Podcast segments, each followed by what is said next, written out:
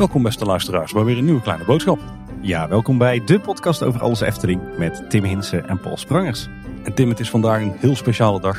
Dit is ook een heel speciale aflevering. Want Ja. dit is onze 200ste aflevering. Ja, Paul, van harte gefeliciteerd. Fijn dat je het al 200 afleveringen met mij eh, uithoudt. Ik eh, sta er zelf ook van te kijken.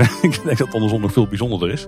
Hey Tim, eh, we hadden graag deze dag vandaag met de luisteraars bij elkaar gezeten. Hopelijk een interessant interview doen. Nou, dat kan helaas niet door de omstandigheden op dit moment. We zijn toen met de Efteling in overleg gegaan. Want de vorige keer hebben we ook met de Efteling kunnen regelen dat we twee gasten hadden tijdens die aflevering. Tijdens Ja. aflevering 100. Eh, en toen, toen dachten we van ja, was het nou beter dan dat we twee gasten hebben. Ondanks dat we dus geen eh, publiek hebben. Dat is eigenlijk maar één ding hè. Ja, drie gasten. Precies, we hebben vandaag drie gasten in deze aflevering. En niet eh, de minste, we hebben een, een hoop bekende Efteling-namen aan tafel zitten. Eh, laten we eens beginnen aan mijn rechterhand. Eh, Ronald Donkers, welkom in Kleine Boodschap. Dankjewel, leuk. En Jeroen Verrij is er ook. Jeroen, welkom in Kleine Boodschap. Eh, Dag heren. En dan hebben we ook nog Sander de Bruin. Sander, welkom in Kleine Boodschap. Dankjewel. En gefeliciteerd met de 200 e aflevering. Dankjewel. Onze luisteraars hebben het natuurlijk al gehoord. We zijn eh, vanochtend te gast op de ontwerpafdeling van de Efteling. Voor, ja, denk ik toch wel voor ons het ultieme interview, hè? Ja, dit is een extreem mooie samenstelling van mensen die we bij elkaar weten te sprokkelen. Heel tof, ja. Hey, eh, jij zei het al, Paul. eh, het zijn bekende namen voor, eh, voor onze luisteraars waarschijnlijk. Maar ik vind het toch even leuk om eh, even een kort rondje te maken langs de drie heren. Eh, kunnen jullie eens kort vertellen eh, wie jullie zijn, wat jullie doen bij de Efteling en, en eh, hoe je hier terecht bent gekomen? Nou, Ronald Donkers, ik werk inmiddels 18 jaar bij de Efteling. Eh, ik ben architectonisch ontwerper. Ik mag me bezighouden met, eh, met de het ontwerpen van gebouwen rondom de attracties. Ja, verantwoordelijk voor de esthetische details eh, die natuurlijk Efteling specifiek zijn. En die op die attracties toegepast worden. En ik ben hier eh terechtgekomen omdat ik van een architectenbureau weg wilde. Ik wilde weg uit de snelle wereld. Ik wilde mooie dingen gaan maken. Nou ja, goed, dan is er maar één plek waar dat kan. En dat is natuurlijk de Efteling. Ik dacht dat je Walt Disney Imagineering ging zeggen, maar dat was... Nee, nee, nee, nee, dat is de Efteling.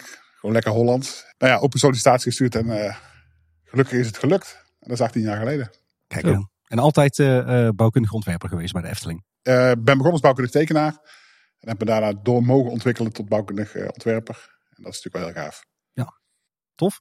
Nou, en ik ben eh, Jeroen Verheij, eh, werkzaam als ontwerper bij de Efteling. Ik zit ook eigenlijk al een hele tijd bij de Efteling, maar met tussenposes steeds. Ik heb het even opgezocht. In 1991 ben ik een jaar in dienst geweest als eh horecakracht. Destijds, eh, wat heette nog niet zo, maar de Tokopagode, zoals we dat nu kennen. Toen, toen studeerde ik aan de, aan de Academie voor Beeldende Vorming in Tilburg. Dus dan kon ik dat mooi combineren met een eh, vakantiebaantje bij de Efteling. Een paar jaar later, in 1997, ben ik weer in dienst gekomen bij de Efteling als acteur. Toen hadden ze, had de Efteling nog een vaste groep acteurs waar, eh, die eigenlijk alle acts in het park verzorgden. Eh, dat heb ik twee jaar gedaan. Daarna nog als freelance acteur blijven hangen. Tot, tot op heden eigenlijk, hè, zo- zoals misschien bekend.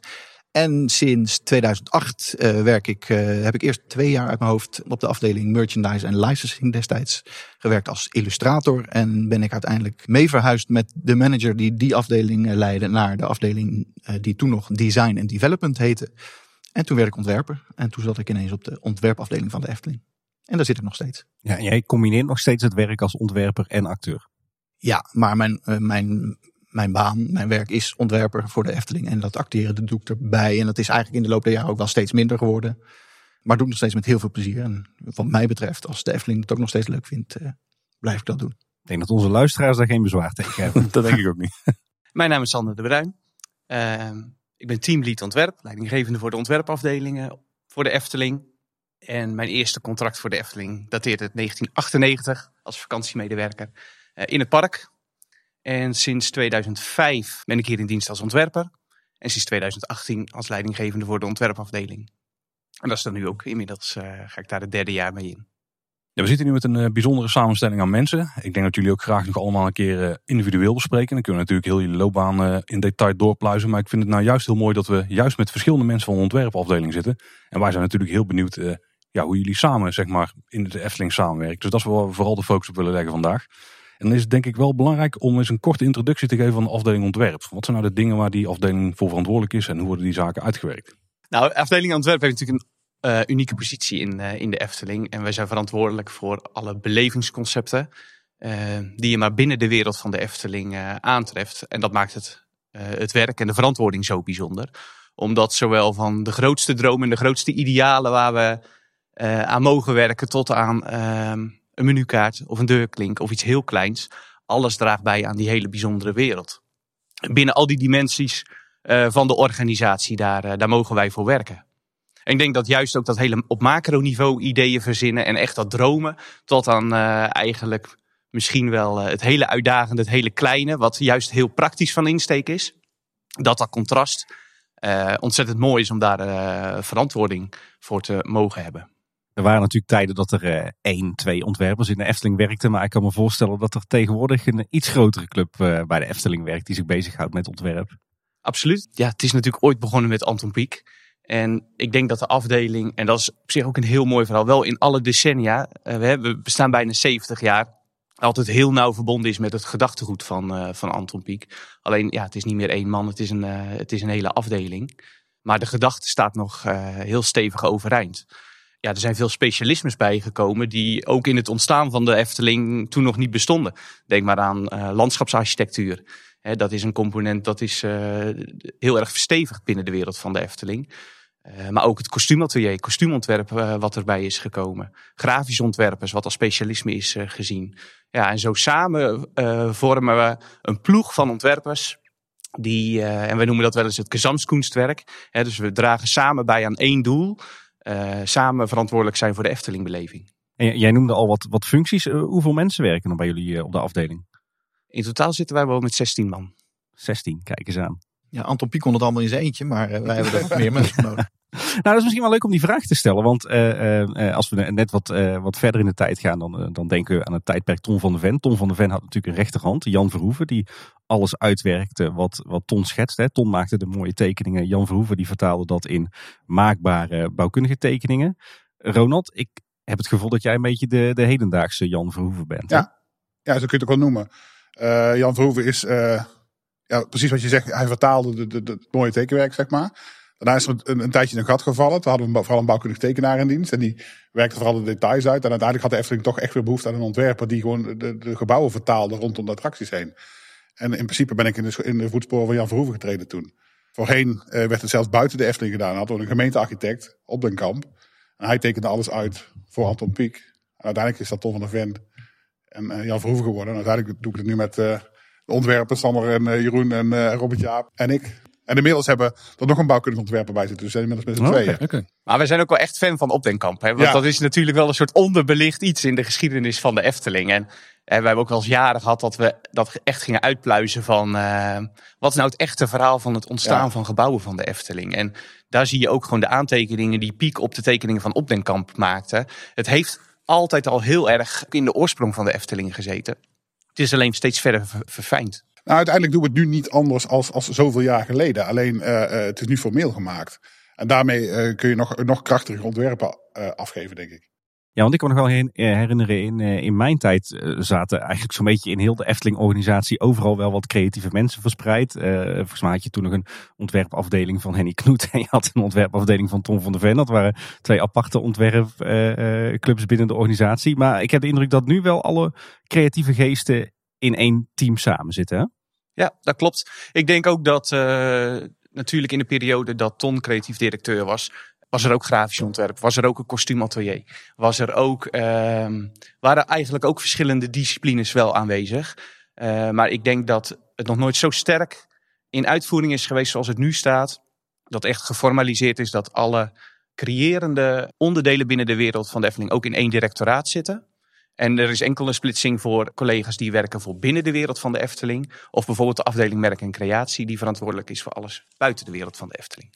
Ja, dat vind ik, vind ik wel een leuke. Nou, we hebben eindelijk wat mensen aan tafel die daar uh, wat meer uh, over kunnen zeggen. Wij horen af en toe de, de ingewikkelde titel commercie, creatie en ontwikkeling vallen. Dat is volgens mij dat directoraat waar jij het over hebt, Sander, waar uh, Koen Sanders aan het hoofd staat als, als directeur. Maar wat, wat zitten daar dan nog meer voor, voor mensen in, in die club, voor afdelingen? Nou, dat directoraat bestaat onder andere uit marketing en sales, merk en creatie, zoals ik net zei. Mooie afdeling strategie en innovatie. En natuurlijk projecten en engineering. En het mooie van dat directoraat is dat uh, eigenlijk alle ontwikkelingen of alle know-how die je wil weten om ook tot de ontwikkeling van een attractie te komen, dat het bij elkaar geplaatst is en dat we juist heel erg van elkaar gebruik kunnen maken. En ook als je, ook al is de splitsing bijvoorbeeld helder voor binnen de wereld van de Efteling of buiten de wereld van de Efteling. Ik denk juist door het zo te beleggen, kan je focus houden op waar je primair voor bent. Maar het is wel heel makkelijk om daar binnen afstemming te vinden. Hoe ziet nu een dag van ontwerpen eruit van een van jullie? Als je gewoon een normale werkdag op de Efteling hebt. Hebben jullie team overleggen? Is het vooral uh, in je eigen werk kruipen en af en toe iemand uh, aansluiten? Nou, dat is natuurlijk heel wisselend. Uh, dat hangt er een beetje af van waar je zit in een project. Of, of je überhaupt met een groot project bezig bent of met meerdere kleintjes. Vaak gebeurt het ook samen. Dus dat je in, in één week zowel aan een groot project werkt als aan een uh, hoop kleinere projecten. En inderdaad, er zijn teamoverleggen, er zijn projectoverleggen. Heb je vaak nog, als je wat verder in een project zit, uh, naar de bouw van een, van een attractie of een horeca-locatie. In mijn geval, daar ben ik dan nu mee bezig. dan zit je in een bouwoverleg, ben je bezig. En ehm, dan hebben we met de ontwerpers zelf ook nog eens in de zoveel tijd het ontwerpoverleg. Je verwacht het niet, maar dat heet het ontwerpoverleg. En daarin bespreken we eigenlijk gewoon met elkaar de, de projecten waarmee we bezig zijn. En uh, is de gelegenheid ook om uh, elkaar daarin uh, aan te vullen en vragen te stellen. Nou, ook wel gewoon fijn om bijvoorbeeld met de ontwerpploeg. En ook, dat sluit ook wel aan om alle disciplines bij elkaar te hebben. Om ook de focus gewoon op het vak ontwerpen te leggen. Omdat heel veel van onze, hè, wat Jeroen ook net zegt, bijvoorbeeld in, of van Ronald in een bouwteam overleg of in een projectoverleg. Dan komen er ook veel meer componenten bij dan los alleen het ontwerp. En eigenlijk wil je in die week alles, uh, zowel de vakinhoud SEC van ontwerper, als je belang in bijvoorbeeld project of engineering. Ja, je wil voor al die onderdelen de juiste aandacht hebben. En dat, zo verdelen wij de week.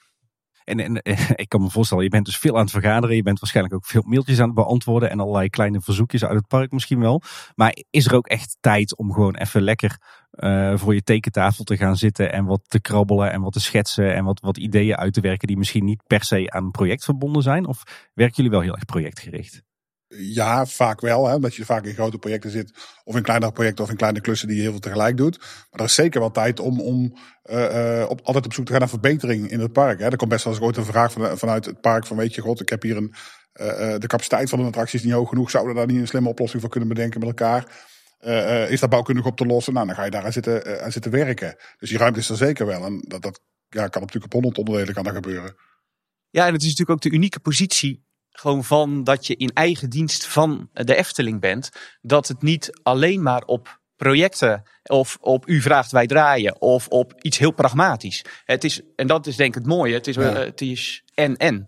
Het is en in de waan van de dag en inderdaad dat je opgeslokt wordt. En zeker als je in een realisatieproject uh, werkt, nou, dan heb je daar alle focus voor. Maar op het moment dat je daar de, langs de randen van zo'n project, nou, dan komt er ook weer tijd om te dromen. En om te denken, wat is nou het allermooiste wat je voor de Efteling zou kunnen verzinnen?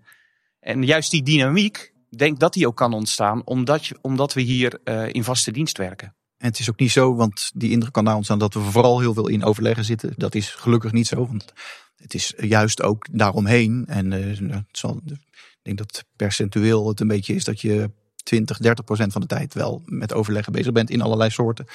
Maar de rest van de tijd ben je echt dingen aan het creëren, aan, het ontwerpen. En dat, is natuurlijk ook eigenlijk waar, waar we het liefst voor komen. Ja, dat is eh, los van de projecten waar je natuurlijk heel veel in te ontwerpen is, is er inderdaad ook veel ruimte om, uh, ja, om zelf nieuwe dingen te verzinnen. En, uh, en of die dan uiteindelijk ook weer uitgevoerd gaan worden, dan moet je altijd maar afwachten. Maar... Ja, want wij en, en ook onze luisteraars zitten wel eens gekscherend een beetje te dagdromen over thema's en attractietypes en verhalen. En Blue Sky Imagineering. Dat doen jullie dus ook gewoon in de tijd van de baas. Zeker. Ja, absoluut. En niet alleen in de tijd van de baas. Ik denk nee. toch dat als je een creërend vak hebt, is dat, is niet, uh, dat start niet om van 9 tot 5. Uh, ik denk juist dat uh, juist op de momenten van rust in het weekend of s avonds, of dat dan als juist de waan van de dag afgelopen is, dat er heel veel ruimte ook is om na te denken over van wat is nou het allermooiste wat je de gast kan geven. hoe kunnen we de Efteling, ja, de thema's of ideeën die we hebben nog nog beter verband met elkaar zetten of iets uitbreiden. Dat is eigenlijk iets wat constant doorgaat. Hoe ontstaat nou een idee? Wat is het eerste wat je daarvoor uitwerkt? Maalt het heel lang in je hoofd of ga je meteen dingen op papier zetten of ga je het textueel uitwerken? Ja, ook dat is verschillend hè. Er komt een vraag vanuit de organisatie of misschien wel een vraag vanuit onszelf. Of we hebben zelf een droom die we willen ontwikkelen. Uh, uh, soms wordt dat helemaal losgelaten. Je bedenk iets en maak het maar. In het geval van de bron was dat een... Uh, er moest een attractie komen voor een, de doelgroep 10 plus. En verzin het maar. Nou, toen hebben op een vrijdagmiddag zijn we in een kantoortje gedoken met elkaar. En ze hebben gewoon gaan brainstormen van wat zou dat dan kunnen zijn. Uh, uiteindelijk kom je tot een idee. En dan ga je dan uiteindelijk op papier zetten. En uiteindelijk ontwikkelt zich dat door tot een attractie die er nu staat. Dus daar, ja, het is niet altijd een gegeven van het, het gaat op deze manier. Of het is een proces wat altijd op, hetzelfde, op, op dezelfde manier loopt. Helemaal niet. Het is heel, juist heel divers daarin en dat is heel leuk. Ja, ik vind dat startpunt wel interessant, want uh, dat weten wij natuurlijk ook niet. Hoe, hoe gaat dat normaal gesproken? Hè? Jullie krijgen denk ik op een bepaald moment een opdracht binnen, hè? een projectopdracht of een ontwerpopdracht. Uh, jullie moeten dit gaan ontwerpen. Waar komt die opdracht vandaan? Hoe, is, hoe specifiek is die? Een opdracht kan eigenlijk uit alle kanten van een organisatie komen, inclusief jezelf. Maar het gaat natuurlijk over van waar heeft de Efteling uiteindelijk waar heeft de Efteling behoefte aan en wat draagt bij aan de visie en aan de ontwikkeling van de Efteling. Um, op onderdelen die we nog niet zo goed hebben of die we nog überhaupt niet hebben.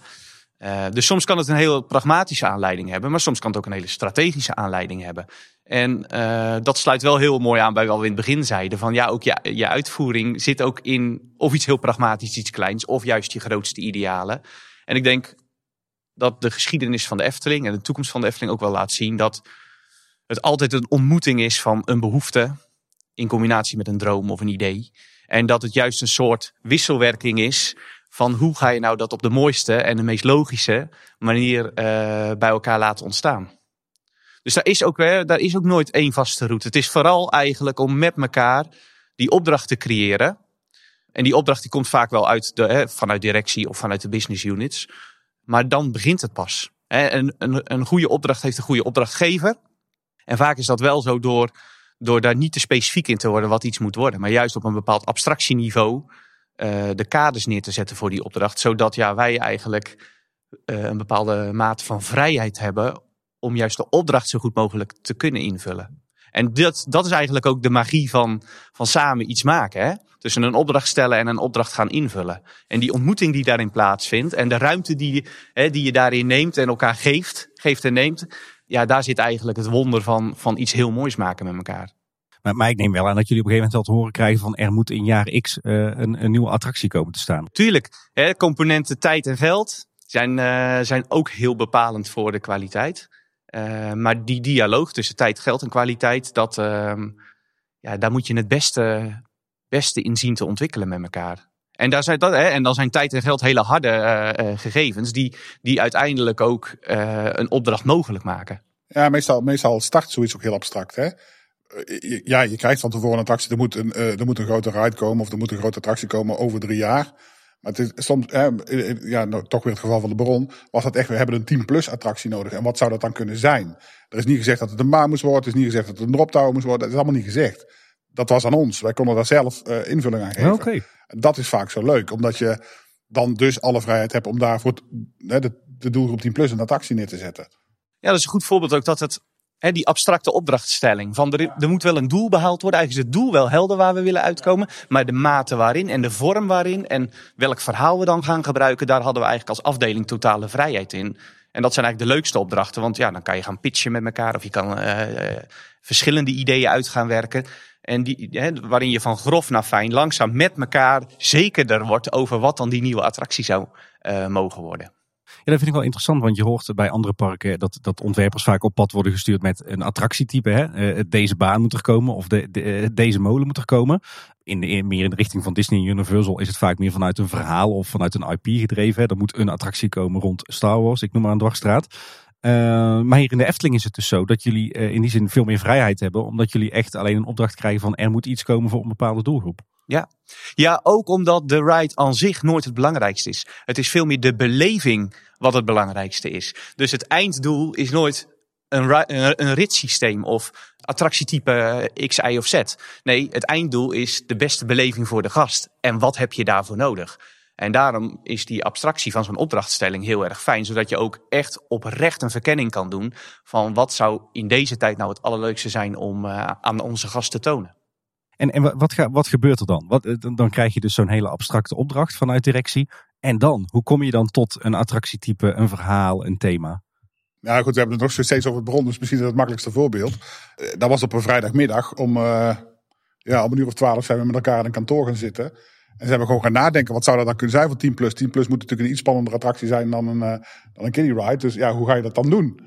En wat is, welk verhaal ga je daarvan vertellen? Nou ja, uiteindelijk zijn we door alle attractietypes gelopen, op internet gezocht en op Google gekeken. En nou, wat zou dat kunnen zijn? En ja, uiteindelijk kwamen we dan uit op, die, op de achtbaan die we nu gekozen hebben. Maar dat was ook pas denk ik in de, in, na een aantal slagen. Na een aantal we hadden slagen, wel ja. gewoon drie, vier attractietypes waarvan Ja. we echt dachten, ook ingegeven door de budget eh. Hè? Want dat was wel hebt ook een geke- kader. Dat was gekaderd. Dus we hadden wel het idee van ja, het moet iets heel eh, compact zijn, maar wel iets heel heftigs. Nou, door zoiets daarover na te denken, over te, over te filosoferen, kom je op een aantal gedachten. En die toets je dan ook met van ja, welk verhaal, welk sprookje of welke insteek zou dat kunnen hebben. En in welke insteek valt een, uh, valt een beleving ook uh, zo te maken dat er genoeg ruimte is om het verhaal en het thema ook in een bepaalde volledigheid te kunnen brengen. En dat is ook vaak bepalend voor een, voor een richting.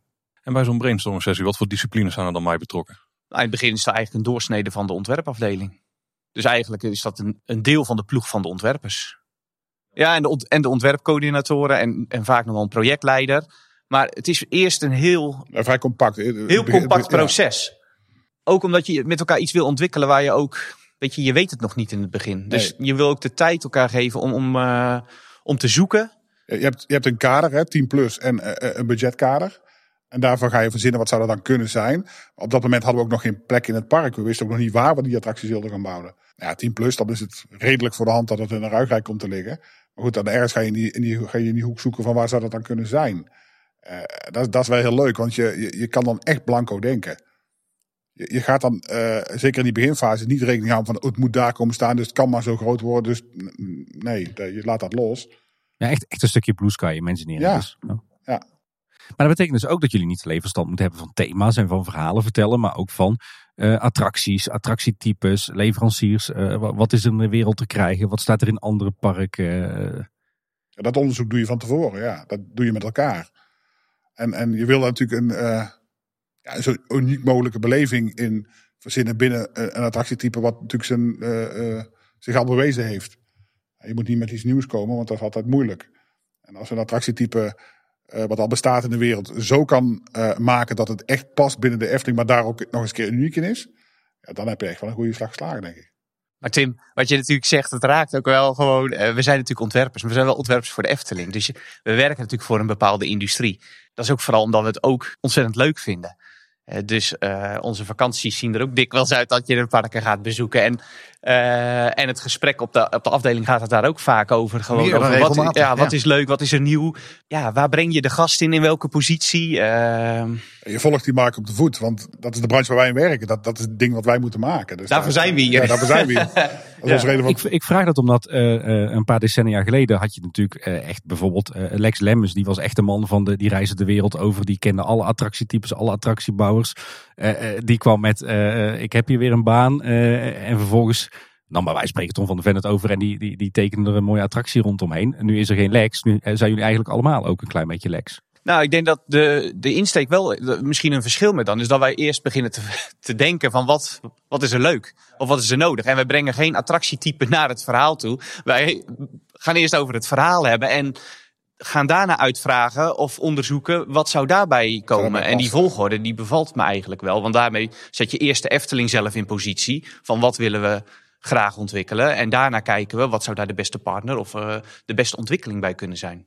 En hoe zit het dan bij Symbolica? Want is Symbolica zoals die er nu staat, is dan doorontwikkeling van het Harthof-concept wat er ooit is gepresenteerd? Of is daar een soort resetknop op een gegeven moment ingedrukt en is het toen weer opnieuw nagedacht van dit zou het ook kunnen zijn?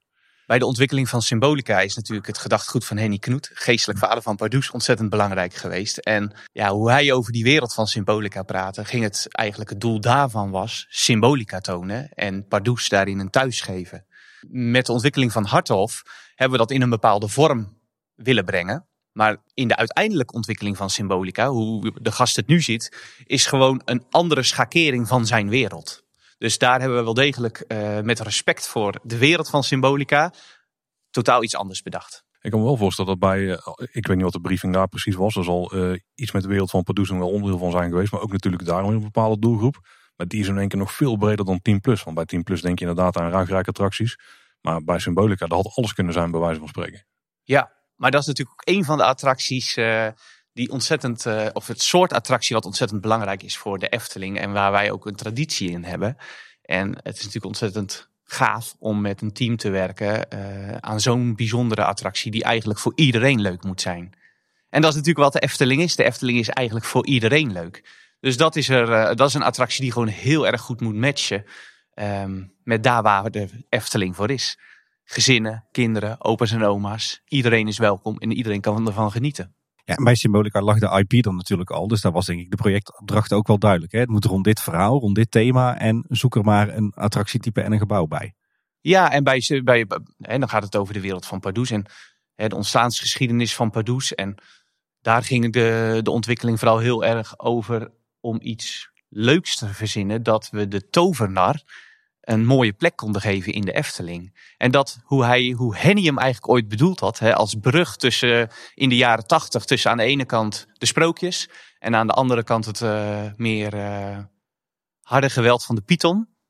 Heeft hij daar denk ik een hele mooie positie gekregen. Letterlijk ook midden in het park tussen al die windrichtingen van, uh, van de Efteling. En hebben hem wel, denk ik, op een hele mooie manier een plek gegeven die recht doet ook aan de ontwikkeling. Hoe hij ook, met welke reden hij ooit in de Efteling is gekomen. En ik denk als je dan kijkt naar hoe de attractie uiteindelijk is uitgewerkt, die proberen een beetje te reverse engineeren. Want we waren natuurlijk niet bij al die uh, overleggen die toen gehouden zijn. Maar ik kan me voorstellen dat termen als verwondering en magie, uh, magie dat dat natuurlijk belangrijke kernwaarden waren denk ik, van die attractie. Maar uiteindelijk is er ook een, attractietype bij gekozen. Die dan die bepaalde doelstelling uh, doet bereiken. Maar ik ben toch wel benieuwd hoe, hoe zo'n beslissing dan uiteindelijk valt. Want er zijn misschien meerdere opties geweest. Nou, die is best wel ehm, ja, pragmatisch, is misschien te kort door de bocht. Maar uiteindelijk ging, gaat het ook wel over tijd, geld en kwaliteit. En met Trackless en uh, met ETF, de leverancier van die ride, heeft, heeft wel een heel uniek product in handen. Uh, waar heel veel voordelen aan zitten. Een mooie evenwichtige balans. Hè, wat ik ook net zei, wat gewoon heel belangrijk is, dat je ook nog genoeg budget overhoudt voor, om het verhaal te kunnen vertellen. Dus voor thema, decor, effecten, show-effecten. En wat heel fijn van dat systeem is, is dat het heel compact is en niet dat je met heel veel mensen tegelijk een scène in uh, ziet. En juist bij de ontmoeting met Pardoes of, is, uh, of met het zien van de effecten is een wat kleinere schaal, wat de huidige vorm heeft, best wel een gunstige keuze om de, om de gast datgene te laten zien dat het ook uh, goed ervaren wordt. Ja, dus er zitten een aantal componenten aan, hè, budget, maar ook gewoon waar breng je de gast in en wat is de beste beleving om aan de gast te laten zien. En daar is deze vorm, hè, dus het trackless systeem, eigenlijk een hele mooie keuze in. En ook een onderscheidende keuze ten opzichte van de portfolio wat we al hebben in het park. Ja, het grote voordeel van dit systeem was dat je met het uh, heel erg de mogelijkheid tot, uh, tot heel veel vormvrijheid voor je attractie, voor je, de layout van je plattegrond. We zijn voor deze attractie ook echt begonnen met het maken van de plattegrond. Hoe leggen we de scènes achter elkaar? Hoe willen we het verhaal vertellen? Daar was daar vooral heel erg leidend in. En niet zozeer van die trek loopt op een manier, dus we moeten er een gebouw mee gaan verzinnen. Nee, we hadden eigenlijk de, de vrijheid om het gebouw te maken en daarna pas de trek erin te leggen. Ja, dit attractietype is eigenlijk meer ondergeschikt aan het verhaal wat je wil vertellen en wat je wil laten zien. Terwijl het, het robotarm systeem, wat natuurlijk eerst in de race was voor Harthof, eh, dat is eigenlijk het, het, het centrum van de aandacht, zeg maar, als je voor zo'n systeem was gegaan. Nou, en deze, deze set, we hadden het er vorige week nog over, uh, over de nieuwe Beauty and the Beast uh, trackless ride in, uh, in Tokyo Disney Sea. En we houden natuurlijk alle trackless attracties best wel in de gaten. Omdat we gewoon ook heel geïnteresseerd zijn van wat doen de anderen ermee en wat haal je nou uit zo'n trackless. En daar zie je eigenlijk wel, uh, in mijn beleving, uh, wat fijn is van Symbolica, juist het compactere model en compact op de scènes. Want wat je daar hebt is een heel groot vervoerssysteem. Ook om die bepaalde capaciteit te halen. Het, uh, het, unieke van trackless is natuurlijk dat je je vrijer kan bewegen. Maar het nadeel van trackless is dat, dat het soms heel moeilijk is om een bepaalde timing te raken. En een ontmoeting van een figuur uh, met gewoon de gast. En die moeilijkheidsgraad zie je denk ik ook heel erg bij Beauty and the Beast. Dat je, als de ontmoeting met de animatronic is, is die super mooi. Maar in grote delen van de tijd ja, heb je best een grote afstand ten opzichte van die animatronics. En zo is, ja, vraagt elke attractie, heeft daarin weer nieuwe uitdagingen. En mooie voor, uh, ook weer mooie voordelen. Maar het is vooral ook heel erg leuk om al die attractietypes van trackless naast elkaar te vergelijken. En ook te, een discussie te voeren over van ja, hoe, hoe is dat dan bij ons en hoe hebben wij dat dan gedaan? Nou, over gesproken, ik kan me voorstellen dat Mystic Manor ook wel een uh, inspiratiebron is geweest voor jullie. Absoluut. Ja, we hebben toen we eenmaal op het spoor van trackless zaten, gewoon gekeken van wat zijn nou hele goede voorbeelden in de, in de markt. En waarom doet Ratatouille iets? Uh, wat voelen we daarbij? Wat voelen we bij Mystic Manor? Uh, maar vooral ook um, omdat het natuurlijk een nieuw systeem was voor de Efteling. Met een hele eigen dynamiek. Dat vonden we heel tof. Want daarmee is het gelijk iets anders als Carnaval Festival. Gelijk iets anders als Droomvlucht. Maar gewoon om te ontdekken van ja, waar, in welke periode breng je nou de gast in welke scène. En wat voel je dan?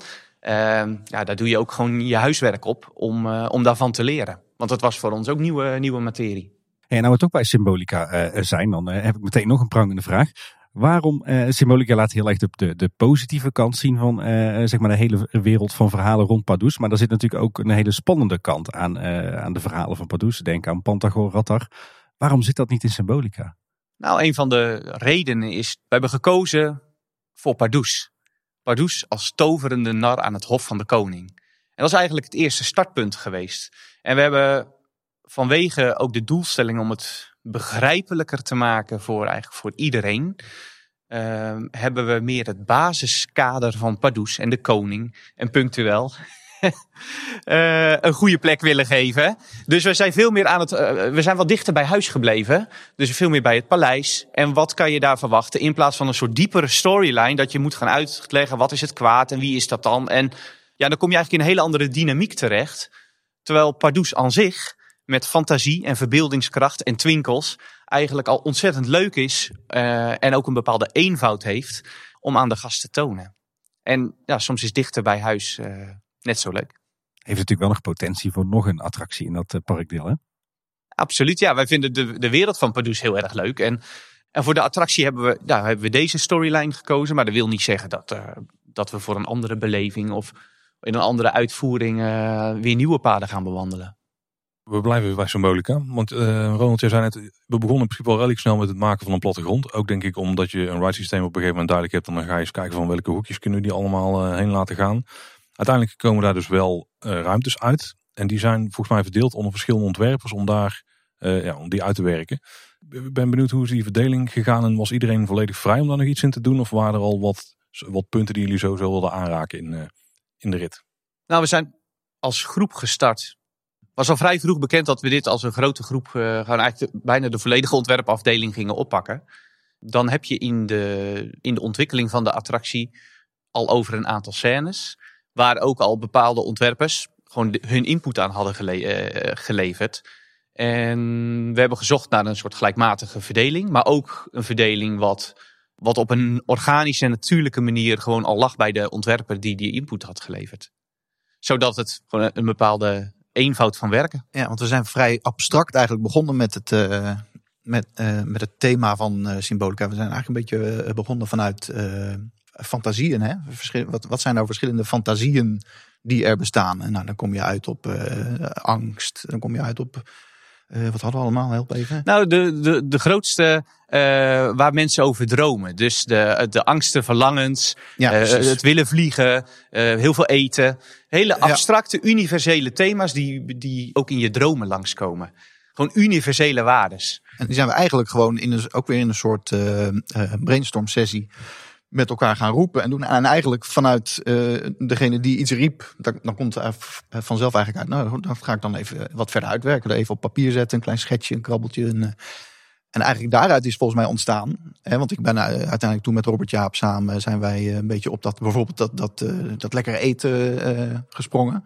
Ik heb allerlei gekke schetsjes van gemaakt die totaal niet meer lijken op wat het uiteindelijk geworden is. Maar dat, dat helpt allemaal wel om uh, uiteindelijk toch dat, dat beeld van bijvoorbeeld in de Koningszaal, die grote tafel met die hoorn des overvloeds, waar al het eten maar oneindig uit blijft stromen. Uh, ja, dus eigenlijk is het zo gekomen dat, omdat wij in die eerste sessie uh, daar toevallig iets over riepen, zijn wij uiteindelijk ook met die scène aan de slag gegaan. En zo is het eigenlijk volgens mij met alle scènes wel een beetje ja. Nou, ook, ja, omdat we dus aan de ene kant recht wilden doen aan de wereld van symbolica. Dat was gewoon het gegeven. Het gaat over die figuren gaan, op die plek, ook op die locatie. Heel logisch aan de Pardoespromenade. En het diepe liggende zijn die thema's, die fantasieën, omdat we zo ook fantasie recht wilden doen. En we wilden hem universeel maken. En um, ja, dat hebben we in die sessies elkaar laten ontmoeten. Ja, en het verhaal uiteindelijk gaan vertellen door, door, door uiteindelijk te kiezen voor de modus van we gaan een uh, verboden tour door het paleis doen. Uh, op een gegeven moment zijn we wel op een punt gekomen dat we zeiden we moeten gaan uh, binnen laten zien wat we aan de buitenkant beloven. We zitten in een paleis, dus uiteindelijk zijn die scènes daar ook heel erg uit ontstaan. En die verboden tour door het paleis. Alle ruimtes waar we nu in zitten, zijn ruimtes die in het paleis zouden kunnen zitten. Ja, behalve plantenkast met uh, een, een walvis aan de buitenkant vind je waarschijnlijk niet op huistempels. Uh, nee, maar daarom is het paleis der. Nee, maar de orange, een orangerie-achtige setting vind je natuurlijk wel vaak in, ja. een, uh, in een paleis. En de, en, en de walvis is dan, of de fabelvis is een, uh, dat is dan ontsproten uit de fantasie. Want de vraag is, zit hij daar eigenlijk wel of is dat jouw fantasie? Snap je? Ja, goed punt. Ik ben, ben trouwens wel benieuwd, want uh, bij Symbolica hebben jullie heel erg met, met, met, echt met een groot team van ontwerpers samengewerkt. Uh, dat, dat gebeurt de laatste jaren eigenlijk bij bijna ieder project. Clasht dat dan ook wel eens? Zijn er dan ook wel eens vurige discussies van? Zeker wel. Tuurlijk clasht. eh, alles clasht op een bepaalde manier. eh, dat zoek je eigenlijk ook op. Ik denk ook gewoon dat het uiteindelijk eh, de dialoog over een, eh, over, eh, een bepaald effect. Of eh, een bepaalde uitvoering van een effect. Of waarom kies je nou wat je kiest. Het verdedigen van die keuze is een elementair onderdeel van, eh, van een ontwerpdiscussie. Je dwingt jezelf om nog beter te kunnen onderbouwen waarom je kiest wat je kiest. En dat, en dat, dat zorgt ervoor dat, eh, dat het helder wordt. Zeker bij symbolica eigenlijk ook. Hè? En zeker ook in de uitvoering. Want eigenlijk kunnen ook heel, effe- heel veel effecten, bijvoorbeeld ook door, door middel van projectietechnieken. En in symbolica zitten juist heel veel fysieke, fysieke effecten. Nou, daar, dat ging niet over één nacht ijs. Dus er werden tekeningen verscheurd, er verscheurd, er stapten mensen boos op uit vergaderingen, melden zich ziek met een arbeidsconflict. Blauwe of, eh, ogen, alles. Ja, het is allemaal voorgekomen. Nee, vast Nou, zo heftig Nee, eh, echt niet. is het niet geweest. Nee. Kijk, daar valt weer mee. Hey, we hebben het al heel lang over, over symbolica. Ik wil toch nog even eh, wat algemener terugpakken. We hadden het net over die beginfase, hè, waarin jullie echt gaan brainstormen, eh, aan Blue Sky Imagineering eh, doen, wat wij ook zo leuk vinden. Waar halen jullie in vredesnaam al jullie inspiratie vandaan? Het dagelijks leven, denk ik. Vooral, eh, weet je, eh, als, als bouwkundige, eh, als, architectonisch ontwerper. Nou ja, weet je, architectuur vind je heel erg leuk. Dus eh, er zijn heel veel dingen die je zou kunnen toepassen in de Efteling. Dus daar haal je heel veel inspiratie aan. Maar je haalt ook heel veel inspiratie vooral uit het park, wat we al hebben. Uiteindelijk is er een gedachtegoed neergelegd door Anton Pieck. En dat is ook wel een hele grote inspiratiebron dagelijks nog. Omdat je, ja, daar, daar kun je zoveel richtingen uitputten. En je gaat altijd in, in uiterste op zoek naar de verbindenis. Of je nou een gebouw neerzet van de Baron 1898, wat heel erg een mijnthema heeft, tot een ja, paleis eh, van Symbolica Hartenhof, tot een sprookje De Zes Zwanen. Uiteindelijk is het iets wat eh, allemaal in de Efteling moet passen, maar wel eh, qua architectuur eh, uiterste heeft. Nou, dat haal je overal vandaan, maar vooral in de Efteling. Ja, het park zelf is echt wel eh, de grootste inspiratiebron. Maar daarnaast ook ja, eh, films, eh, reizen. Ik reis graag bijvoorbeeld. eh, allemaal wel. Dus je, gaat veel, je ziet veel en je neemt altijd eh, dingen mee. eh, ook andere parken natuurlijk. dat- Sander zei het net al, die bezoeken we zelf ook allemaal eh, graag in onze vrije tijd. Dus ja, daar neem je toch ook altijd eh, bewust en onbewust weer dingen van mee. Films, theater, boeken. Ja. Kun- Kan je eens wat, een paar concrete voorbeeldjes geven? Dat je zegt van dat elementje in die attractie of in dat horecapunt, dat is echt geïnspireerd op iets wat ik tijdens mijn reis heb gezien of in een film. Persoonlijk vind ik naast eh, de voorbeelden die genoemd zijn ook eh, het leuk en interessant om het ook gewoon naast kunststromingen te zetten. Want zeker bij symbolica is bijvoorbeeld, eh, gaat over verbeeldingskracht. Nou, gewoon de stroming symbolisme. In Museum Moor bijvoorbeeld, Karel Willink. Die was ook bezig met een bepaald realisme waar ook weer fantasie in zit. En wat is abstract en wat is realistisch? Ja, vaak zie je in schilderijen ook heel mooi gewoon die droom gevangen. En die, die matcht best wel vaak met de dromen zoals wij hem hier willen laten zien. En het is gewoon heel interessant en eh, leuk om dat naast elkaar te zetten. Over waar is het in de schilderkunst gaat het over verbeeldingskracht. En waar, eh, welke thema's nemen zij en wat laten zij weg? Welke abstractie kiezen zij voor dat ene beeld? Omdat de gast in de Efteling ook vaak één duidelijk beeld moet zien. Nou, we zijn bij Krullenmuller geweest. En weet je, die schilderijen die je daar ziet. Tenminste, dat is voor mij persoonlijk. Hè, Jan Torop, wat je daar vaak hebt. Eh, die heeft een schilderij van Witte Wieven gemaakt. Als ik dan zo'n beeld zie, dan ja, dat plakt gewoon wel echt enorm. Waarvan ik dan denk, oh, dat zou ook heel mooi zijn als je, wat daar is eigenlijk voor een heel smal publiek, als je dat zou kunnen uitvergroten, juist voor eh 5 miljoen gasten. Wel interessant, ja, want je zegt één beeld wat ontstaat. Kijk, want wat wij heel vaak zien, het eerste beeld van een attractie wat wij vaak krijgen eh, van jullie, is gewoon een illustratie eh, van bijvoorbeeld een buitenaanzicht of zo. Maar dat, dat, dat is één beeld, maar er zit waarschijnlijk enorm veel tijd achter. Want het is denk ik al de twintigste versie die je misschien eh, eh, maakt steeds. eh, Minimaal. ja, je begint met een blok graniet en dan maak je, daar ga je steeds stukjes van afhakken totdat je met het perfecte plaatje eh ja, tevoorschijn kunt komen. Maar hoe, hoe, wanneer weet je nou, nu zijn we er? Is daar misschien ook iets wat ingegeven wordt door tijd? Op een gegeven moment moet je die knoop doorhakken van dit gaat het worden.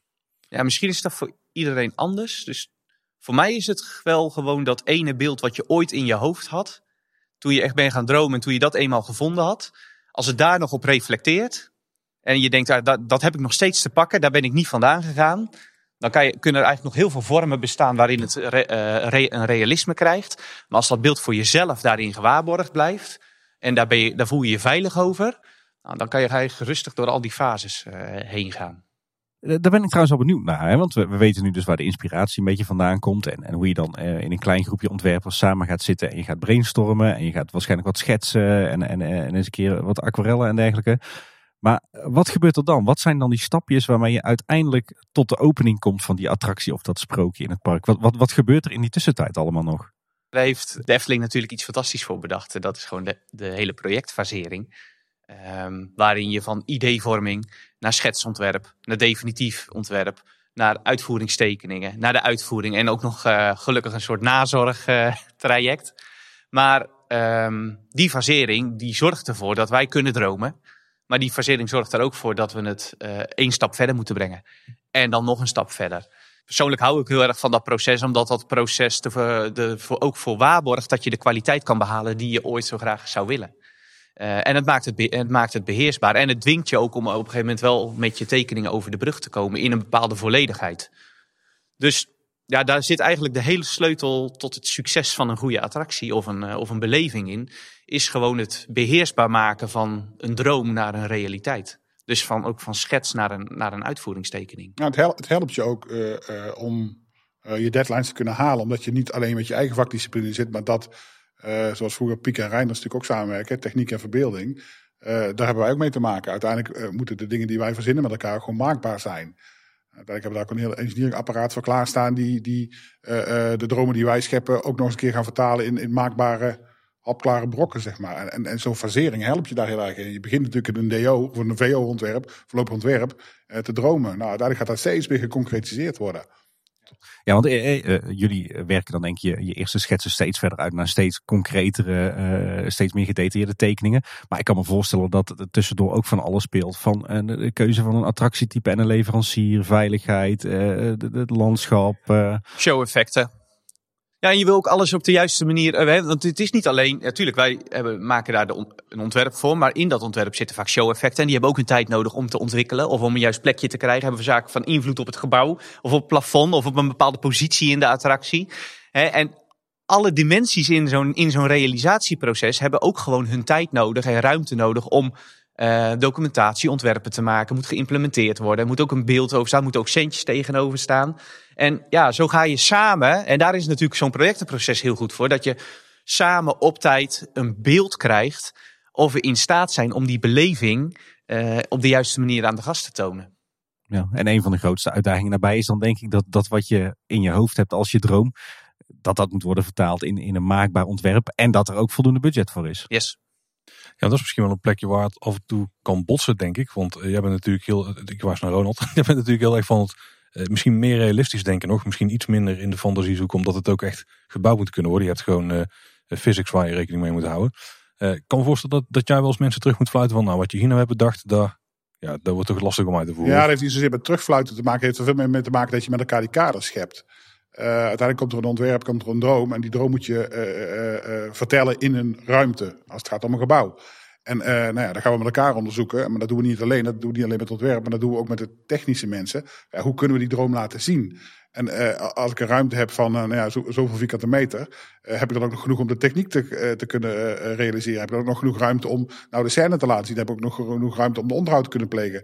Nou ja, weet je, daar komen zoveel vragen bij die allemaal in die ruimte moeten. En dat doe je met elkaar. En dat heeft niet zozeer met terugfluiten te maken. Dat heeft veel meer te maken met het met elkaar afspreken wat de kaders zijn voor een scène. Wordt het de grote scène, wordt het de kleine scène? Nou, en dan ga je op zoek hoe dat, hoe dat kan passen. En het is ook niet zo dat we moeten uitkijken dat we Ronald en zijn collega Koen, andere architectonisch ontwerper, niet te uh, kil neerzetten als iemand die alleen maar moet zorgen dat het, het, klopt. Maar die denken juist heel erg mee ook. Om, om juist die misschien wel gekke of bijzondere vormen die wij verzinnen, toch uh, gerealiseerd te krijgen. Dat is nou juist het mooie van wat jullie doen. Het is, het is echt niet alleen maar het allemaal heel uh, Nee, bouwkunde op de Efteling is echt wel anders dan bouwkunde ja, in de buitenwereld. Dat is wel belangrijk. Uh, het grote voordeel dat wij hebben is dat we uh, uh, gewoon geen kaders hebben in een, vierkant flatgebouw bij wijze van. Maar gewoon echt, echt, echt los kunnen gaan in ruimtes. En ja, het helpt elkaar. Het, je, je kan, weet je, het is, bijna een evenknie. Je kan niet zonder elkaar. Je moet het met elkaar doen om tot, tot die droom te komen. En dat is, dat, ja, dat is heel gaaf. Ja. Ik ben er wel benieuwd naar. Hè? Want Ronald, jij krijgt ergens in een beginfase, denk ik, een, een, een mooi droedeltje, een mooi tekeningetje van een, van een ontwerper. Misschien wel echt meer een illustratie. Eh, en dan moet jij dat gaan uitwerken eh, naar een gebouw wat constructief moet kloppen, wat eh, brandveilig moet zijn, eh, bouwkundig moet kloppen, het moet overal aan voldoen, eh, er moeten personeelsruimtes in zitten, techniek, onderhoud. Hoe vertaal je in vredesnaam zo'n illustratie in een kloppend gebouw? Ja, eigenlijk geeft het antwoord zelf al. Eh, alle, al die ruimtes die je opnoemde, die moeten daarin. En, en vervolgens hebben wij eh, eh, één hoofddoel voor dat gebouw. Die, moet- het verhaal vertellen wat we met elkaar bedenken. En de rest moet daar ondergeschikt in zijn, maar wel bruikbaar zijn. Het kan niet zo zijn dat je een kantine ergens onder in een keldertje frummelt, omdat daar nou toevallig nog mensen moeten kunnen eten. Het heeft allemaal serieus de aandacht nodig. Alleen het gaat om, om, om wat, wat, wat stel je aan de voorkant. Uiteindelijk is dat ook een tool om een gebouw eh, eh, dynamisch te kunnen maken. Het is, heel, eh, kijk, het is heel makkelijk om een blokkendoos te bouwen en, en daar dan een scène in te vertellen. Maar het is juist zo gaaf om dat gebouw aan de buitenkant eruit te laten zien als een, nou ja, als een, nou ja, een paleis. In het geval van Symbolica of in mijn gebouw, in het geval van de Baron. Maar uiteindelijk zitten daar gewoon functionele ruimtes in. En die zorgen er juist voor dat je die dynamiek in dat gebouw aan kan brengen. Ja, want dat is iets wat we het laatste jaar natuurlijk vaker zien. En de Efteling eh, was in het verleden nogal eens van het bouwen van een grote bedrijfshal. En dan zetten we een mooi geveltje voor. Kijk, bijvoorbeeld hiernaast naar Droomvlucht is daar denk ik het perfecte voorbeeld van. Van hoe we het eigenlijk allemaal niet willen. Eh, hoe zorg je er nou voor dat het dus geen loods meer wordt met een geveltje. Maar dat het echt een, voor je gevoel, kloppend gebouw wordt? Ja, dat, dat is inzetten op, op eh, wat wil je vertellen? Welk verhaal wil je vertellen? Eh, en daar alles voor aan kunnen grijpen om, om dat verhaal te kunnen vertellen. Kijk, een, een kantine hoeft niet per se in een gebouw te zitten. Die mag er ook aan zitten. In een lager volume. In een, eh, dat voorkomt dat je alles in een half eh, frummelt, zeg maar. In geval van de Symbolica hadden we daar echt wel een uitdaging. Want je hebt natuurlijk een enorme loods. 3500 vierkante meter. En je moet daar een paleis van maken. En je hebt een budget. En je hebt de tijd. En je hebt een kader. En je moet er ook nog kwaliteit leveren. Dus dat was echt wel een uitdaging. En we kregen het niet uitgesmeerd over die 3500 vierkante meter gevel die daar omheen zat. En uiteindelijk eh, haalden we de truc uit door juist, eh, weet je, het moet, het moet een paleis worden. Dus alles naar de voorkant. En daar gaan we daar paleis vertellen. En we gaan eh, een paleistuin maken op het dak. En we gaan zorgen dat er dat grond tegen de gebouwen aan op, zodat we de gevels kleiner gaan maken. En, en zo ga je toch altijd weer op zoek naar, nou, ja, naar die sleutel. Om dat gebouw dy- dynamisch te maken. Hè. Ook, ook voor de bron, daar hadden we prima een halve kunnen maken. Dat Ja. Zo mag je kunnen. En een paar van die engineering en uitrekenstukjes liggen die dan ook bij jou? Want eh, Symbolica, we halen alles naar voren. In principe is het, Symbolica is ook een, een, een hal eh, met een plat dak. En daar moesten torens op komen om Ja. die diepte te creëren. Ja. Ja. dan moet er wel zo'n zware toren op zo'n plat dak komen. Dus dat zal ook niet zomaar kunnen, neem ik aan. Nee. Zijn er dan zaken die ook bij jou liggen? Of Ja, komt dat de Dat begint bij mij. Hè. Omdat ik in het ontwerp zit, ben ik vooral betrokken bij het voorlopig ontwerp en het definitief ontwerp. Uiteindelijk gaat dat natuurlijk overgenomen door engineering. Zij gaan dan eh, zorgen dat het constructiever klopt. Ik bedoel, zelf heb ik natuurlijk de basis gelegd, maar constructief moet het toch gewoon kloppen. Dus dan een constructeur aan moeten gaan rekenen, een installateur zal er naar moeten gaan kijken. Uiteindelijk gaan, gaan, eh, pakken die het heel technisch op en zal ik dat altijd esthetisch blijven volgen. En ook krijg, krijg ik dan mijn kaders. Zo'n toren kan daar wel gewoon maar let op, hè, we moeten een hele grote balk neerleggen. Die komt aan de onderkant van het plafond. Dat plafond daar moet dus daar lager, omdat die grote toren daar moet. Wil je dat? Of, nou weet je, zo ben je constant met elkaar aan het sparren om dat, om dat te kunnen realiseren. Klein uitstapje naar de Zwanen. Eh, daar was ook een bijzondere constructie van Ja. nodig. Ik denk dat je daar ook bij, vroeg bij betrokken was. Ja. Eh, hoeveel lomper is daar geworden? Want er ligt echt een enorm dikke balk in volgens mij om Ja. het te laten zweven boven de molen. Hoeveel lomper is daar geworden dan van tevoren verwacht? Daar zijn we heel goed uitgekomen daar. Dat is eigenlijk, dat, is begonnen met een schetsje, dat ligt nou in het museumpje volgens mij. Eh, natuurlijk een droom van Sander, die had daar een beeld in, in, geschept. Ja, het is gewoon een van de allerleukste fases, is gewoon dat begin. Want er is denk ik geen eh, heftigere samenwerking eh, dan tussen degene die bouwkundig verantwoordelijk is en degene die daar esthetisch verantwoordelijk voor is. Gewoon die wisselwerking tussen, wat je Tim net zegt, het begint gewoon met een eerste beeld en een mooi silhouet. En dan gaat het al heel snel van, ja, kunnen we het een, een vorm geven dat we kunnen maken? En nou, daar gebeuren gewoon eh, zoveel wisselwerkingen die ook mede bepalend zijn op de uiteindelijke vorm. Dat eigenlijk daar zit ook de sleutel tot eh, zijn we in staat om een mooi gebouw met een helder silhouet en eh, iets te maken wat ehm, gewoon wat beklijft en wat sterk is in zijn, in zijn vorm. En ja, de, de eerste schets van de zes zwanen was ook dat slot. Het was in, kern, in de kern eigenlijk precies wat het nu ook is. En eigenlijk ook weer helemaal anders. Eh, het was nog steeds een verborgen slot eh, in het bos met de zes zwanen die er doorheen gaan. Maar gewoon het maakbaar maken. eh, dat heeft ook nog wel een paar varianten Ja. gekend. Dat was echt wel, dit was echt wel een uitdaging. Dat was wel moeilijk hoor, want we hadden natuurlijk een ritssysteem gekozen wat nou ja, van buiten naar binnen moest varen, maar zes enorme armen had die onder het gebouw door moesten. Ja, Dat was even, even verzinnen van ja, hoe, gaan we dit, hoe gaan we dit oplossen? Uiteindelijk moet het hele gebouw dus over, dus over het water heen gaan kragen. Ja, hoe gaan we dat realiseren? Gebeurt niet vaak. Eh, dat ge- ja, komt meestal niet voor, zeg maar. Dus daar, eh, eh, nogmaals, eh, wat wel gaaf is, dat het silhouet wat Sander geschapen heeft, het eerste schetsje wat, wat ik destijds gemaakt heeft, eigenlijk is het dat ook wel weer geworden. Omdat je natuurlijk, eh, nou ja, vanuit je kennis en je ambacht, eh, eh, toch op, op zoek naar die sleutel gaat. En dan moet ik altijd zeggen, een sprookje bouwen vind ik moeilijker als een grote attractie. Want het, gaat, het komt daar veel meer op die vierkante centimeter aan. Je moet daar veel meer effort steken in, in, in de kleine details om het kloppend te maken. En op een groot gebouw heb je nog altijd de mogelijkheid om wat dingen uit te smeren, zeg maar. Dus eh, die vind ik makkelijker vaak dan een klein sprookje. Nooit gedacht, eh, knoop alsjeblieft die zes zwanen aan een staalkabel en we zetten daar gewoon een gebouw neer met een vaarhul erin. Nee. Ook daar zijn allerlei scenario's voorbij gekomen hoor. En eh, ook daar zijn we natuurlijk gestuurd door tijd en geld. En uiteindelijk hebben we voor een ritssysteem gekozen wat eh, heel betaalbaar was. Wat, eh, waarvan Sander vooral eh, vond dat de beleving daardoor heel erg gehaald zou kunnen worden. En, eh, en zijn we er gewoon voor gegaan. En dan is het gewoon een kwestie van schouders eronder zetten en, en ja, maken. Nou, het bijzondere bij de Zes Zwaan is denk ik ook dat we van een, eigenlijk een standaard molen, eh, dat we hem kunnen opsplitsen in een gedeelte wat buiten staat te wachten. En eh, tijdens die wacht we een bepaalde ritbeleving kunnen maken. Ehm, en dat we die twee componenten hebben kunnen scheiden, waardoor we daarmee eh, toch konden spelen met de, eh, de tijd dat je in de, scène, in de scène bent. En zo ga je eigenlijk van een soort standaard systeem en een gegeven, kijk je toch eh, in een stukje ontwikkeling met een leverancier. Of dat dan voor de Baron is, of de Zes Zwanen, of voor eh, Symbolica. Van hoe kunnen we nou elementen die voor ons belangrijk zijn, en voor ons belangrijk is dan de beleving voor de gast, eh, optimaliseren. En daar zit eigenlijk in elke attractie die we maken zit iets unieks. Of dat dan de dark ride scène bij de Baron is, waar we hem even stil eh, zetten. Ehm, of bij de Zes Zwanen, hè, dat we dat gescheiden hebben, de, de instap en de, en de ritbeleving. En bij Symbolic heb je natuurlijk die verschillende routes. Want dan zie je eigenlijk ook maar zelden dat er zoveel nadruk op wordt gelegd. Van als je in dit, dit karretje stapt, dan ga je iets anders beleven dan Ja, dat je dat nou ja, daarom houdt ons ook die andere trackless attracties zo bezig. Omdat we er juist zo op gebrand waren om alles wat er in dat systeem specifiek maakt. En anders maakt dan andere ritssystemen eigenlijk totaal uit te bouwen. En dat begint eigenlijk al bij het vertrekken. Dat de eerste eigenlijk tegen die dichte deur komt te staan. En de eerste zullen de laatste zijn, dus die gaan dan weer achteraan. En constant dat, eh, dat dus uitnutten van de mogelijkheden van een systeem. En dat dus heel specifiek en krachtig maken voor de Efteling.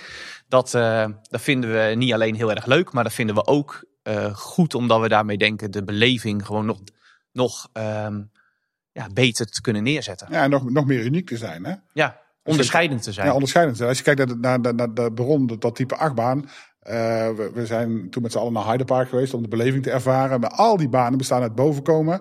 Eerst een bocht maken en dan pas naar beneden vallen. En dat wilden wij niet. We wilden naar boven. We wilden die mijnschacht gaan, eh, eh, gaan vertellen. Dus je komt boven en je valt naar beneden. Dat was eigenlijk voor ons eigenlijk een, bijna een no-go om die bocht daarin te maken. Nou, daar zijn echt wel wat sessies overheen gegaan met de leverancier om te kijken van, nou weet je, is dat überhaupt wel mogelijk en kunnen we dat maken? Want zij vinden het juist heel belangrijk dat eerst boven die bocht gemaakt wordt om het uitzicht te kunnen zien. Nou, weet je, en, en dat spanningsveld met elkaar opzoeken en die grenzen met elkaar opzoeken om dingen uniek te maken, ja, dat is wel heel leuk. En dat is ook het uitvoering van een verhaal. Hè. Verhaal Ja. uitvoeren is niet alleen een letterlijke zin van, oh, wat maakt de gast mee? Gewoon een overtuigende schachttoren neerzetten is ook het verhaal van de mijnbouw en van een schachttoren. Dus is elementair net zo belangrijk in uitvoering om dat doel te behalen dan eh, bijvoorbeeld een ritduur. En wat zie ik dan?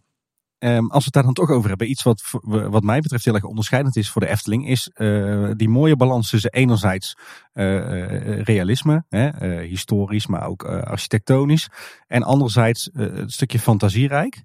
Het, het klopt voor je gevoel wel, maar er zitten toch wat gekke dingetjes in.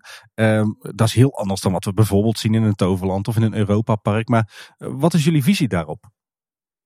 Je begint er nou over en ik moet gelijk denken aan een artikel wat va- van de week of twee weken geleden over in de Volkskrant stond over een tekening van Anton Pieck. En iets daarvan stond in van we, het is voor iedereen herkenbaar, maar niemand heeft het nog echt zo gezien. En dat vond ik gewoon zo mooi. Dan denk ik, ja, dat is eigenlijk voor de Efteling geldt dat ook zo. Weet je, iedereen als ze hier iets zien, dan kunnen ze het op een manier herkennen. Ook al hebben ze het nog nooit gezien. En ik vond dat artikel, dat raakte mij wel. Ik dacht van, hey, dat is wel heel mooi. Eh, zo had ik eigenlijk de duiding van het werk van Piek eigenlijk nog nooit zo gezien. Dat hij een soort collectieve herkenbaarheid in zijn werk heeft.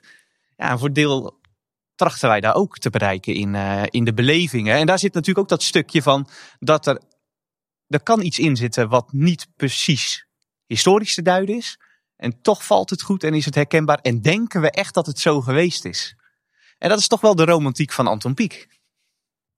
Ja, inderdaad. We, we zijn natuurlijk een tijdje terug op, uh, op bezoek geweest in het Antropiek Museum. En toen vertelde de achterkleindochter van, uh, van Piek ook van... Hè, voor hem was het altijd belangrijk dat het in ieder geval bouwkundig allemaal klopte. De details en het, het moest wel kunnen bestaan. Ja. Ronald, ik kan me voorstellen dat voor jou dat hier bij de Efteling ook wel een aandachtspunt is, toch? Ik, ja. kijk, nu, ik kijk nu naar buiten, naar de buitengevel van Ravelijn.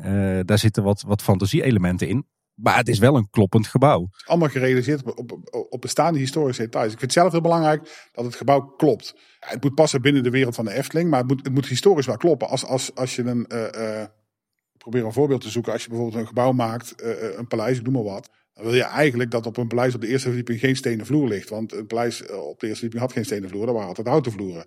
Uh, uh, raamomlijsting om ramen heen, die werden uitgemetseld en die werden er niet tot tegen aangeplakt. Maar het moet allemaal zo eruit zien dat het historisch maar klopt. En dat, dat wij er een draai aan geven die past binnen de Efteling.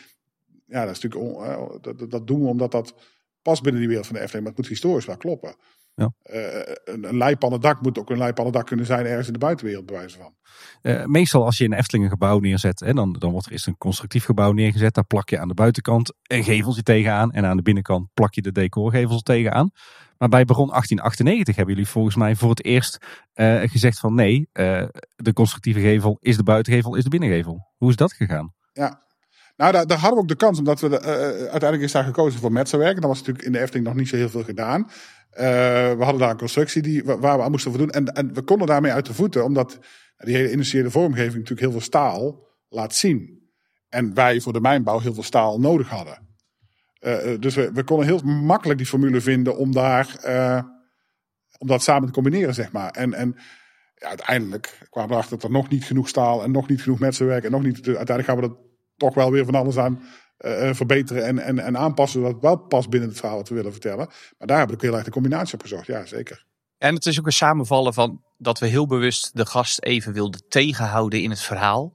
Omdat we anders bang waren dat hij toch heel snel uh, naar de achtbaan zou lopen zonder iets van het verhaal mee te krijgen. En we hebben ook gezegd van nou, we plaatsen de gast even in de rol van kompel. En, gaat gaandeweg eigenlijk, uh, beseft hij zich dat hij een kompel is. En zo gaat hij, daalt hij af naar beneden. Ja, en het was natuurlijk smullen dat wij in Duitsland zijn geweest bij, uh, bij de mijnbouw en in Heerlen, bij, ja, zeker. Bij het Mijnmuseum. En ja, dan laat je eigenlijk een wens hè, om een, bepaald, op een bepaalde manier te exploiteren. Plus eigenlijk gewoon het historisch gegeven, de mogelijkheden van wat gebeurt er nou eigenlijk in een dag van een kompel. Hoe gaat hij naar zijn werk? Wat doet hij dan? Hoe kleedt hij zich om? welke fases gaat hij doorheen? Waar haalt hij zijn loon op? Dat is het avontuur wat je samen aangaat om een plan neer te leggen waarin je gewoon een aantal doelen behaalt. Maar het verhaal daarin is leidend. Ah, het mooiste compliment dat we daar kregen, vond ik vooral. Er was een kompel en die, uh, is in, uh, die echt in de mijn gewerkt heeft, jaren. En uiteindelijk nu met pensioen is natuurlijk. En vooral heel uh, graag de verhalen over de mijnbouw vertelt. En die kwam binnen en zei: Het is net of ik naar mijn werk ga. ja, dat vond ja. ik echt wel heel gaaf, want dan hebben we het goed gedaan dus. Ja, en dat is ook dat verhaal vertellen. Dat is ook niet het verhaal vertellen van uh, Gustav Hoogmoed, maar dat is gewoon het verhaal vertellen van, ja, wat ben je dan als kompel? En wie ben je dan als gast? En dan doet ook alles ertoe in dat verhaal. He, dat je de inprikklok ziet als je naar binnen, binnen gaat. Dat je de, de kompelmunten ziet met, met, uh, met je nummer erop. Ja, dat, dat uitwerken, dat oog voor detail, dat is uh, ja, ook echt een van de allerleukste elementen toch in het vak. Ja. Hoe zit het dan bij uh, horecalocaties? Want Jeroen, jij bent verantwoordelijk voor een hoop uh, recente horeca toevoegingen in het park. Mm -hmm. we hebben Aliciaans Kruidenkas, zeg ik het goed? Uh, ja, Aliciana's kruidenkas. Ja, het is een uh, ja, tongbreker inderdaad. Struikelen we er ook bijna over. Uh, toevoeging van een nieuw horecapuntje op, op Harthof. Ehm, we hebben een extra overkapping gekregen bij Vrouw Bots Kuche. En er komt natuurlijk nog een nieuw horecapunt aan. Ja. Bakkerij Krummel. maar hoe, hoe pak je het daaraan? Want ja, dat moet ook een verhaal, dat moet ook passen binnen het verhaal wat daar verteld wordt, binnen ja. de beleving die daar gebracht wordt. Maar ik ben benieuwd hoe dan zo'n horecapuntje tot stand komt. Uh, eigenlijk niet heel anders dan, dan dat we met een attractie aan de gang gaan. In dit, geval had uh, Robert Jaap in de ontwikkeling van de attractie Max en Moritz ook al uh, de plannen voor het, het, plein of eigenlijk de rest van het dorp. Hè, want dat is wat het, wat het straks gaat worden. Had hij al meegenomen, dus hij heeft er al een hoop concepting voor gedaan eigenlijk. en ik heb dat later mee opgepakt. Um, maar ook daar ga je ja, inderdaad proberen het verhaal. Wat, welk verhaal wil je daar vertellen? Uh, en dat is in dit geval dus het verhaal van de twee uh, qua-jongens. Die eigenlijk dat hele dorp op, stel te zetten. En we hebben daarbij natuurlijk geput uit het uh, oorspronkelijke verhaal van Wilhelm Busch. Naast Max en Moritz zelf natuurlijk ook de dorpsbewoners voorkomen. Onder andere vrouw Bolte. onkel Frits, die wij uiteindelijk eh, slim hebben omgeturnd tot oompje Gijs, eh, die door de meikevers wordt geterroriseerd. En ook eh, eh, de leraar, eh, meester Lempel. En ook de, de bakker speelt een heel belangrijke rol in dat verhaal. En eh, ja, dus de keuze om, om een, een, een horecalocatie daar te maken was natuurlijk snel om daar dan ook een bakkerij van te maken. En, en we, we gaan ook echt proberen het verhaal van eh, Max en Moritz ook daar gewoon heel duidelijk te laten zien. Ik kan me wel voorstellen dat je in horecalocaties en ook merchandise locaties, dat je wel weer een hoop andere kaders en beperkingen hebt. Hè? Want het, er moet ook nog voedsel worden bereid en het moet Ja. allemaal hygiënisch en Ja, er je moet genoeg daar inderdaad capaciteit zijn. een eh, groot eh, back-of-the-house verhaal wat allemaal moet kloppen. Eh, je zit eh, in het restaurantgedeelte met, met dat, dat iedereen zich daar goed moet, in moet kunnen bewegen. Zowel mensen met een beperking als alle anderen. En ehm, ja, ja, van alles. HESSEP, hè, de, de, de, de hygiënemaatregelen die overal getroffen moeten worden, is allemaal heel belangrijk. Dus je kunt ook niet zomaar ieder tegeltje of eh, wandbekleding verzinnen. Dat moet allemaal wel eh, binnen die, binnen die richtlijnen kloppen. Maar het moet allemaal wel in dienst staan uiteindelijk van het verhaal. Dat is wel belangrijk. En, en die uitdaging is ook daar dus gewoon eigenlijk hetzelfde als bij een attractie. Alleen je zit met wat andere regeltjes nog hier en daar te kijken. Ik kan me wel voorstellen dat jullie dus ook in een vroeg stadium de exploitatieafdelingen er al bij halen als jullie aan het ontwerpen zijn. Dat klopt. Ja, die zijn in een heel vroeg stadium. ehm, eigenlijk al in de A-fase komen die er al bij. Hè. Die, die, die, die hun eh, wensen en hun, eh, eigenlijk gewoon ook gewoon een bepaalde ehm, kaders eh, waar ze zich graag aan zouden willen houden. Van hoeveel mensen wil je kwijt, wil je kwijt de capaciteit in zo'n restaurant. Hoeveel mensen per uur eh, wil je, eh, het assortiment. Ja, dat heeft allemaal ook zijn weerslag op het ontwerp uiteindelijk. Ik vind wat dat betreft de, de, de horecalocatie op Harthof, eh, de smaakmaker uit mijn hoofd, eh, die vind ik wel interessant. Want als het heel oneerbiedig zeggen, het is gewoon een Unox worstenkraam in principe. Maar het ziet eruit als een, een, een rondtrekkende ja, kar van een karavaan of zo die daar eh, jouw spullen kon brengen. Maar bedenk je dan ook een klein verhaaltje achter, zodat je een soort richtlijn hebt om het uit te werken? Ja, in dit geval is dat inderdaad, je zit er eigenlijk niet ver naast. Ehm, Dan is het goed uitgewerkt. Dank je. Eh, nee, ja, het is het, de car waarmee je eigenlijk eh, Pollen en eh, een deel van de, de koninklijke keukenbrigade, moet ik het goed zeggen, op pad gaat als eh, zijn majesteit koning Pardulfus eh, op, op reis gaat, op eh, statiebezoek naar naburige landen bijvoorbeeld. Ja, dan moet natuurlijk nog steeds lekker gegeten worden, want we weten dat koning Pardulfus daar wel van houdt. En dan gaat die hele car mee. En dat is eigenlijk een soort, ja, heel oneerbiedig gezegd, een cateringcar die met, met het hele gezelschap mee reist. En dat, volgens mij zie je dat, zie je dat er wel aan. Nee, je hebt het eruit opgepikt. Het is gelukt, ja. ja. Ik denk, ik denk dat het de duurste Unox-car is die ooit gebouwd is. Dat denk ik ook. Toch mooi dat het kan in, eh, in de Efteling van, eh, van tegenwoordig. En als je dan tot zo'n verhaal komt, is er iets wat je dan met de, de volledige afdeling doet of met een paar collega's? Of eh, kun je daar zelfstandig mee eh, op pad gaan en dan wordt het dan ook nog gepitcht binnen de afdeling bijvoorbeeld? Ja, daar geldt, ook daarvoor geldt hetzelfde als voor een, eh, hè, wat we net vertelden over symbolica. Dat je klein begint met een ideetje en een klein brainstormpje. En eh, ook dat eh, ontwikkelt zich uiteindelijk tot het uiteindelijke ontwerp. En in zo'n project komt de, de vraag dan vanuit exploitatie of komt die dan ook vanuit de directie? Of op welk niveau wordt zo'n opdracht bij jullie neergelegd? Eh, in het geval van deze locatie eh, komt de vraag Vanuit horeca. vanuit horeca. Ja, de, de afdeling horeca die eh, ja, de vraag heeft van we willen eigenlijk... We zien dat er op die plek in het park nog, een, nog aanbod mist. En, en dan wordt inderdaad vrij, vrij sumier die vraag gesteld van we willen daar aanbod. Dan wordt nog niet eens specifiek gezegd wat er dan precies verkocht moet gaan worden. Maar meer wat, wat kun je daar verzinnen om eh, passend in het hele gebied, hè, in dit geval eh, de wereld, eh, het, rij- het rijk der fantasie, om daar iets passends en iets moois te maken. Ehm, over passend gesproken, een vraag die wij onszelf wel eens stellen is: wat is nou echt typisch Eftelings? Wat is nou onderscheidend Eftelings, eh, onderscheidend ten opzichte van andere parken? Eh, ik weet dat jullie daar als afdeling ooit ook wel eens een lijstje voor hebben gemaakt, maar Jullie ook?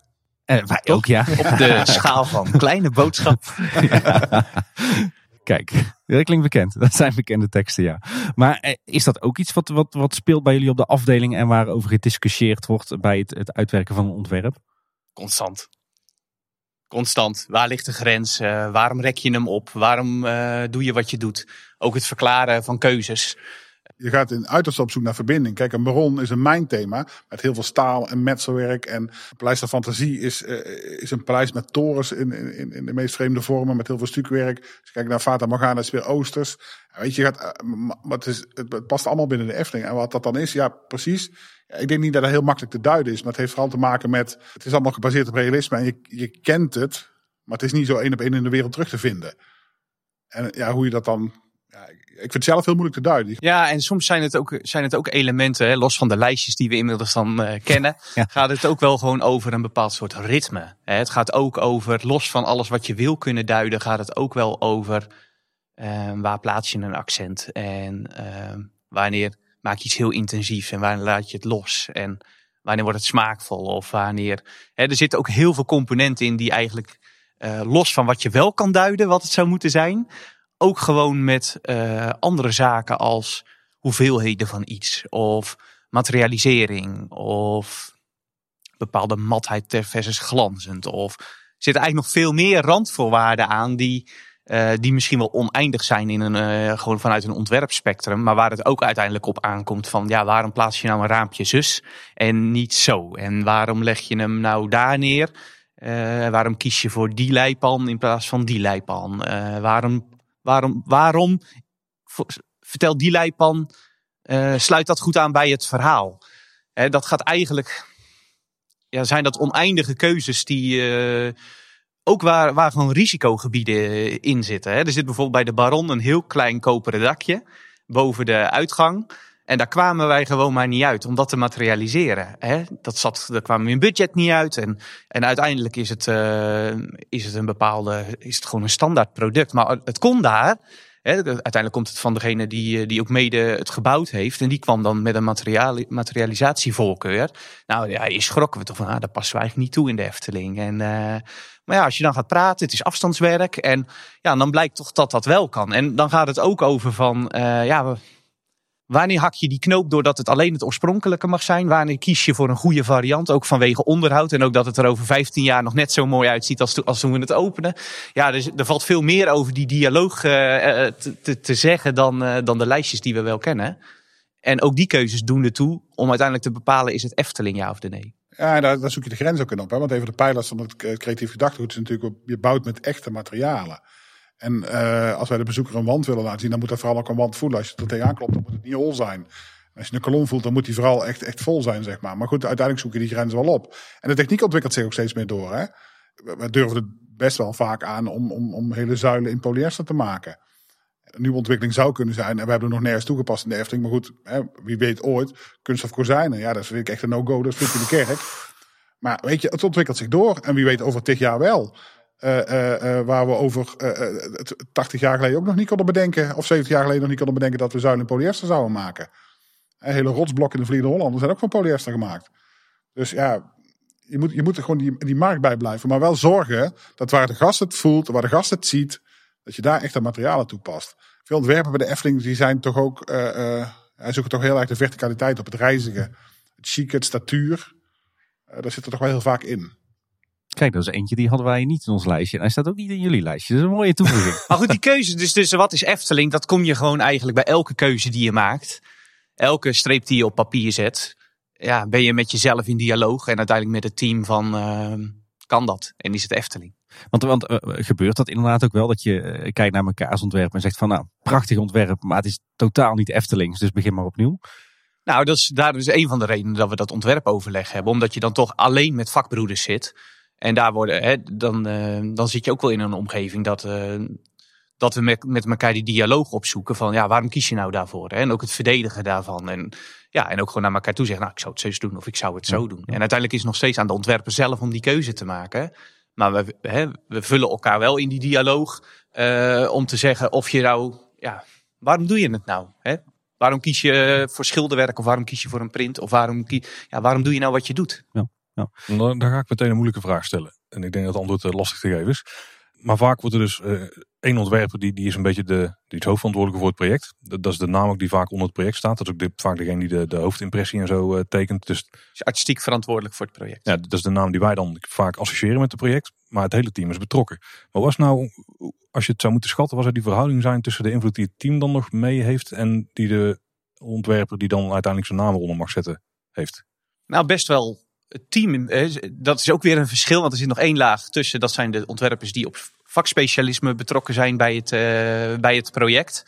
Eh, zoals Ronald bijvoorbeeld, bouwkundig verantwoordelijk is voor, eh, voor de attracties, hè, dikwijls. En Ivo Soetmeijer voor het landschapsbeeld. Die zijn natuurlijk op hun specialisme eh, heel bepalend in, in datgene waarvoor ze bij de ontwerpafdeling zijn. Ehm, en in die dialoog ehm, vullen wij elkaar aan ehm, met opties of met gedachtegangen of ehm, met alternatieven. Of gewoon wat we ervan vinden. Gewoon, eh, ja, is het leuk of passend. Maar we willen ook niet blokkeren dat je uiteindelijk de ontwerper daarmee zo strak zet dat hij, eh, dat hij dan moet doen onder, soort, eh, onder een democratisch proces. Uiteindelijk ben je natuurlijk gewoon ook een individu. En dan zou je dat individu niet moeten vragen voor die opdracht. Dus je geeft iemand een taak en dan, wil je die, dan moet die- diegene ook gewoon die taak mogen, in volle glorie mogen uitvoeren. Eh, waar ik dan wel benieuwd naar ben, ik heb toevallig laatst eh, die Imagineering Story eh, gekeken. Dat gaf een prachtig beeld van die vibe die hangt bij Walt Disney Imagineering. Eh, wat is nou een beetje de vibe die hier op de ontwerpafdeling hangt? De, en nu is het even anders, want corona, dus veel mensen zullen thuiswerken. Maar als al die ontwerpers bezig zijn, wat, wat hangt er dan voor vibe op zo'n afdeling? Dat is eigenlijk, ik heb, wij hebben hem allemaal gezien, denk ik, die Imagining Story. Ja. Eh, dat is eigenlijk in het kleine, hè, want het is natuurlijk een veel groter bedrijf waar je het daarover hebt. Maar in het kleine is dat hier eh, eigenlijk net zo. Het is een hele goede vibe. Dat kunnen we gerust zeggen. Is, onze afdeling is, eh, staat ook bekend als eh, misschien iets luidruchtigere afdeling dan eh, andere afdelingen. we, willen, we willen nog wel eens wat mensen af en toe schoorvoetend onze kant op komen. Hey, jongens, mag het ietsje stiller? Dat gebeurt wel eens. Ehm, Dat is een goed teken. dat is een heel goed teken. Ja, en dat gaan we ook zeker niet veranderen. Mag ik wel zeggen, denk ik. Nee, het is een, een hele fijne sfeer. De, we kunnen eigenlijk alles tegen elkaar zeggen. We kunnen alles doen. Eh, er is veel ruimte voor eh, eh, lol. Maar ook heel veel ruimte eh, voor gewoon ernst en serieuze zaken natuurlijk. Maar eh, ja, weet je, een creatief eh, vak kun je eigenlijk alleen maar uitoefenen als, als daar de omgeving eh, goed voor is. En dat, ja, dat is bij ons zeker het geval. Het is wel een hele veilige omgeving waar je Ja. eh, die zoektocht naar je ultieme droombeeld kan maken. Ja, want dat is heel belangrijk. Ja. Waar je ook dingen kan voorstellen waarvan de rest misschien heeft van ja, weet je, hm, dat is het niet helemaal. Zou je het niet sowieso even kunnen bekijken. Dus je groeit daar zelf en je tilt elkaar daarmee naar een hoger niveau steeds. En je leert van elkaar. En door in die veilige omgeving te kunnen werken en, en, en gewoon eh, feedback te kunnen krijgen en ontvangen, eh, groei je zelf ook als ontwerper, denk ik. Ja. ja, ik denk dat het een hele andere omgeving is dan een gemiddeld architectenbureau. Ja, Ja, Zeker wel. En als ik het zo hoor, dan zijn al die disciplines zijn heel belangrijk. Eh, waar ik ook benieuwd naar ben, is het wel zo dat jullie hebben een afdeling engineering. Eh, je bent soms bezig met een attractie, die wil je bepaalde effecten in bereiken. Is dan nog wel zo dat hun dan met een idee komen van, eh, jullie zijn daarmee bezig, maar we hebben nou, dit zouden we ook kunnen doen, weet je. Dan zouden jullie zoiets daarmee kunnen maken. Gebeuren dat soort zaken ook? Misschien van het horeca komen, die ideeën misschien ook wel. Ja, dat gebeurt af en toe wel eens. En eh, weet je, als dan een goed idee is, dan nemen we dat ook zeker mee. Eigenlijk komen vanuit de hele organisatie wel eens ideeën. Er komen zelfs vanuit medewerkers uit het park wel eens ideeën. En daar wordt ook gestimuleerd om, om eigenlijk iedereen die dat, die dat wil en die daar eh, zich toe geroepen voelt, om eens wat te roepen. En nou, ja, nogmaals, het is dan aan ons om uiteindelijk daar de goede ideeën uit te pikken en misschien mee door te gaan. Op zich, op zich is dat wel zo, ja. Nou, en, en soms ook heel bepalend voor, eh, vanuit engineering om natuurlijk voor een bepaald show-effect te, eh, te kunnen gaan. En de plaatsing van dat show-effect, daarom is het natuurlijk ook van belang dat ze in, eh, in een vroegtijdig stadium van een, van een project aanwezig zijn. Omdat eh, juist show-effecten of juist de techniek willen we graag ook niet zien. Het is juist de techniek die voor de verwondering zorgt. Maar dan, ja, dan moet je daar wel vaak iets voor doen in je gebouw of in, je scène. Om ook gewoon die, die, die optische truc of eh, juist het effect goed te kunnen laten slagen. Bijvoorbeeld bij, eh, bij de Zes Zwanen, de waterprojectie die je op de, in de koepel ziet. Nou, dan moet je in een vroegtijdig stadium met elkaar besluiten van... eh, ja, waar plaats je dan zo'n projector zonder dat, eh, dat dat het hoofdbeeld aantast? Dus ja, je hebt, ik denk gewoon zoals Piek en Reinders samen verantwoordelijk waren voor de beleving. Zo is dat voor ontwerp en engineering eh, niet anders. Daar- Daarover gesproken, bij eh, Walt Disney Imagineering zitten niet alleen de ontwerpers, maar er zitten ook de engineers, daar zitten ook de animatronic bouwers, de techneuten, de decoratieschilders, de vormgevers. Eigenlijk alle creatieve en technische geesten binnen het bedrijf, maar ook de, de projectenmensen. Dat is één grote club. Waarom is er in de Efteling niet gekozen voor zo'n opzet waarbij alle techneuten en alle creatievelingen in één ploeg zitten? Ja, de achterliggende reden kan ik je echt niet, eh, zou ik je daar niet over kunnen vertellen. Wel dat eh, de afhankelijkheid van elkaar wel natuurlijk onderkend wordt. Om in ieder geval op bij elkaar, en dat is wel anders, eh, dat is dan weer anders dan dat vroeger was. We voor het eerst met engineering en projecten en ontwerp op dezelfde vleugel zitten. Dus we hebben eigenlijk nu twee dan locaties. Je hebt het Gildenhuis en je hebt ehm, eh, de afdeling ontwerp engineering en projecten op één locatie. En daarmee is in ieder geval in het ontwerpproces, hè, dus los van als het naar een uitvoering gaat, heb je in een ontwerpproces wel heel erg die van, afhankelijkheid van elkaar op dezelfde locatie. En op zich werkt die scheiding tussen, dan, eh, tussen een stuk ontwikkeling van een, eh, van een beleving en uiteindelijk naar een uitvoeringsgedeelte, eh, grotendeels in het gildenhuis, is niet zo heel veel ver van elkaar vandaan als dat je misschien eh, van een afstand zou denken dat dat is. Want ik denk juist in die eerste, eerdere fases eh, zit je juist heel erg bij, op tijd bij elkaar eh, aan tafel. Hey, we hadden het net over, de, over die vibe. Ik heb ook de indruk dat er eh, best wel veel eh, eh, ontwerpers, mensen bij jullie op de afdeling, eh, stiekem ook Efteling-liefhebber zijn van origine. Efteling-fan misschien wel. Nou, Pretpark-liefhebber, niet eens stiekem hoor. Disney-liefhebber. Gewoon, Nee, gewoon oud en Vol- nieuw open. oud en nieuw open. heeft, heeft dat nog invloed op die, die, die sfeer die daar hangt? Of de manier waarop jullie werken? Of de gesprekken? Nou, ik denk eh, ook alles bepalend, toch denk ik. Ik denk, want als je toch als kind al gewoon van de Efteling hield, of dat je dat gewoon leuk vond, of dat je denkt van, hé, hey, dat is een hele bijzondere plek en dat doet wat met me. Nou, dat is toch alles bepalend voor als je dan in de positie mag zijn dat je iets nieuws bent. Dat refereer je toch aan dat gevoel wat je ooit zelf had Ja, als eh, kind. En als je dat ook nog eens in een collectief hebt, eh, ja, dan is dat gewoon eigenlijk oneindig leuk om met elkaar over. Om juist dat gevoel te raken. Wat we zelf ook altijd heel erg bijzonder vonden. En nog steeds bijzonder vinden aan de Efteling. Of collega-parken. Maar in dit geval dan voor de Efteling. Nou, mooi, want ik wist dat helemaal niet. Maar toen ik op de ontwerpafdeling terecht kwam, of eigenlijk al iets daarvoor, toen ik eh, nog bij de merchandise zat als illustrator, had ik ook wel heel veel met de ontwerpafdeling te maken. Maar daarvoor dacht ik eigenlijk, ja, de ontwerpafdeling van de Efteling, daar, daar, natuurlijk zit je daar als kind wel over te dromen. Hè? Want ik was dus inderdaad ook al van kinds af aan eh, Efteling-liefhebber. We weten hoe het voelt. ja, ja, precies. Eh, maar en dan dacht ik, ja, de, de ontwerpafdeling van de Efteling, dat is allemaal ver buiten mijn bereiken. Dat zijn misschien wel een heel ander soort mensen dan ik. Dat denk je dan als eh, kind. Tenminste, ik dacht dat. Ja, ik ook hoor. Nou, gelukkig. Ja. nou, ja, maar dat illustreert al maar weer. Toen ik dus uiteindelijk op de ontwerpafdeling kwam, bleek dus dat die mensen gewoon exact hetzelfde zijn als ik. In, in, in, in gevoel eh, over eh, eh, de Efteling. En eh, dus ja, het is fantastisch om eh, tussen allemaal gelijkgestemden. Want dat zijn we echt allemaal. We hebben allemaal op een manier al heel vroeg met de Efteling te maken gekregen. Karel heeft ook al als, als jonge man, eh, gelijk is hij hier al aan het werk gegaan. Hij heeft al, al mooie dingen gemaakt als vormgever. Eh, Robert Jaap heeft ook als, ja, als echt heel jong... Bijna hier geboren. Ja, die is bijna hier geboren. en die bouwde ook al de Efteling na in zijn tuin. En eh, nou goed, zo hebben we legio verhalen. Nou, en het maakt ook gewoon enorm dat je die diepte met elkaar wil opzoeken voor de Efteling. Hè? Dus er gaat ook, eh, ik denk als je dit zou, eh, wat natuurlijk ook gewoon denkbaar is, dat je het in een projectenbureau of externe, dan wordt het een opdracht. Eh, en werken voor de Efteling is eigenlijk eh, misschien wel in je contract een opdracht, maar uiteindelijk wat je maakt voor de Efteling, dat is een volledige overtuiging wat we maken. Ja. En dat is gewoon heel bijzonder om dat met gelijkgestemden te doen, die ieder op zijn eigen specialisme ook voor die bijzondere beleving willen gaan. Eh, Het legt ook niet een enorme druk op je schouders, want je bent altijd liefhebber geweest. Dus je hebt het park heel erg hoog in het vaandel staan. En dan moet je daar zelf iets aan gaan bijdragen. En dan, ik kan me voorstellen dat je dan heel erg, dat je het heel erg spannend vindt van, oeh, zou ik het dan wel goed doen? Maar ik denk dat wel Ronald net zegt, van eh, als je in een omgeving bent van gelijkgestemden, die je daar die openheid voelt om die dialoog daarover aan te gaan. En het daar dus ook over hebt en daar ook eh, al dan niet iets mee doet. Natuurlijk heb je heel veel twijfel over de dingen die je maakt. En natuurlijk ga je ook wel bedenken van, oeh, wat zou de gast daarvan vinden? Maar nogmaals, je zit met een hele club gelijkgestemden, die daar allemaal eh, eh, op, in een veilige omgeving hun mening over kunnen geven. En eh, we zijn ook allemaal gewoon, En het is ook een vak, hè? ja, Je bent ook geschoold, dus uiteindelijk heb je het dan ook gewoon wel te doen. Hè? Het is ook niet zo van, uiteindelijk vinden we de Efteling heel leuk, maar primair zijn we een ambachtsman op, op het gebied van ontwerp. Dus die, uiteindelijk is het wel je vak en je taak om ook met die druk eh, gewoon professioneel om te gaan. En ja, uiteindelijk zitten we hier niet om zoete broodjes te bakken, maar Nee. gewoon voor de beste beleving op een, op een heel hoog niveau. En eh, de traditie van de Efteling daarin in ere te houden. Dus ja, druk en daarmee omgaan en daar het juiste mee doen, dat hoort, is gewoon part of the job. Kunnen jullie ook allemaal een voorbeeld noemen van iets waarvan je zegt van nou, achteraf gezien eh, eh, baal ik daarvan dat ik dat ooit zo gemaakt heb? Of, of zou ik dat nu ander, echt heel anders doen? ja, dat vooral. Dat laatste misschien wel. Ja, de laatste, ik, ik, ik heb in 18 jaar geen spijt van dingen die ik gemaakt heb. ik heb na 18 jaar wel ooit het idee van, nou, dat zou ik nu anders doen.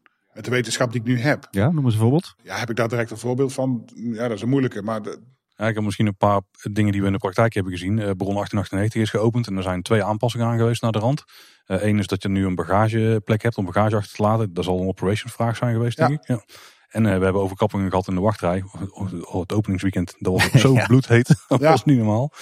Eh dat zal daar ook sturend zijn geweest, denk ik. Misschien zijn dat soort zaken dan? Nou ja, ja, dat soort zaken. Ik denk dat daar, wel de spijker op zijn kop slaat. Want bij een nieuwe attractie zullen we veel eerder gaan voor overkappingen en meandering. En zullen we die bagageafhandeling, als het nodig is, veel serieuzer nemen. Eh, we hadden in de Efteling nog geen achtbaan waar de, waar de bagageafhandeling zo groot issue was binnen dit hele eh, project. Ja, bij de bron kregen we ermee te maken. Nou ja, goed, we, het bleek al heel snel na de opening dat dat, dat dat toch echt wel een probleem werd. Ja, en het- eigenlijk zit het ook, hè, dat zit wel in die projectfasering van die nazorg. Omdat we daar eigenlijk altijd wel mee rekening houden als eenmaal iets het levenslicht ziet en de gast mag er, ja, het is van de gast, dat uiteindelijk verwacht je voor een heel deel dat de gast daar zo op reageert. Maar er zitten altijd dingen in waarvan je dan denkt, ah, dat, En dat moeten we gewoon hè? bijschakelen. Of daar, eh, dat hebben we over het hoofd gezien. Dat is ook juist een leuke uitdaging, nou, want we bouwen vaak prototypes. We hebben het geluk dat we aan projecten mogen werken die ja, niet zo heel vaak in de wereld gebouwd worden. Dus je gaat dan met al je kennis en kunde en je ambacht ga je daaraan beginnen. En dan zijn er dingen die je over het hoofd ziet. En dan heeft de Efteling het gelukkig zo ingericht dat je dat ook kan, eh, eh, kan repareren als dat nodig is. Het is er misschien ook iets typisch Efteling. Want ik hoor als bij andere bedrijven die bouwen een attractie. Dan op dat moment is de afdeling engineering of ontwerp is er nog mee bezig. En op een gegeven moment wordt de sleutel, zoals ik het begrijp, bijna ceremonieel over- overhandigd aan eh, de operations afdeling. En dan trekken hun de handen ervan af. Maar bij de Efteling blijft het dus doorlopen. Ja, dat is wel iets denk van de laatste jaren. Dat we eh, gewoon als bedrijf het wat langer laten doorlopen om ook eh, de gastinzichten en de mogelijkheden om niet eigenlijk van dat project weg te hollen, maar ja, juist daar wa- een wat langere periode voor te zorgen. Zodat ook de echte juiste beleving geraakt kan worden. En dat zijn vaak niet, de, het zijn namelijk ook niet de allergrootste, hè, het is geen hele nieuwe attractie of een hele nieuwe scène. Het zijn juist die dingen die relatief eigenlijk best behapbaar zijn, maar die het kwartje voor de gast nou net wat beter kunnen laten vallen. En ik denk juist dat het eh, gewoon uniek en goed van de Efteling is dat zij gewoon in de volledigheid daar open voor staat. Hey, jullie zijn heel kritisch op je eigen werk, eh, hoor ik wel. Dat kan denk ik ook niet anders als jullie allemaal pretparkliefhebbers en Eftel-gekkies zijn. Eh, maar er is ook een... eh, er zijn ook gekkies. Eftelwappies. Eftel-gekkies die toevallig goed kunnen tekenen. Nee, dat is heel oneerbiedig. Ehm, nee, maar er zijn ook hele schare Efteling-liefhebbers en Efteling-fans die heel kritisch zijn op eh, ook jullie werk. Wat doet dat nou met, met jullie als, als ontwerpers, als, als mensen?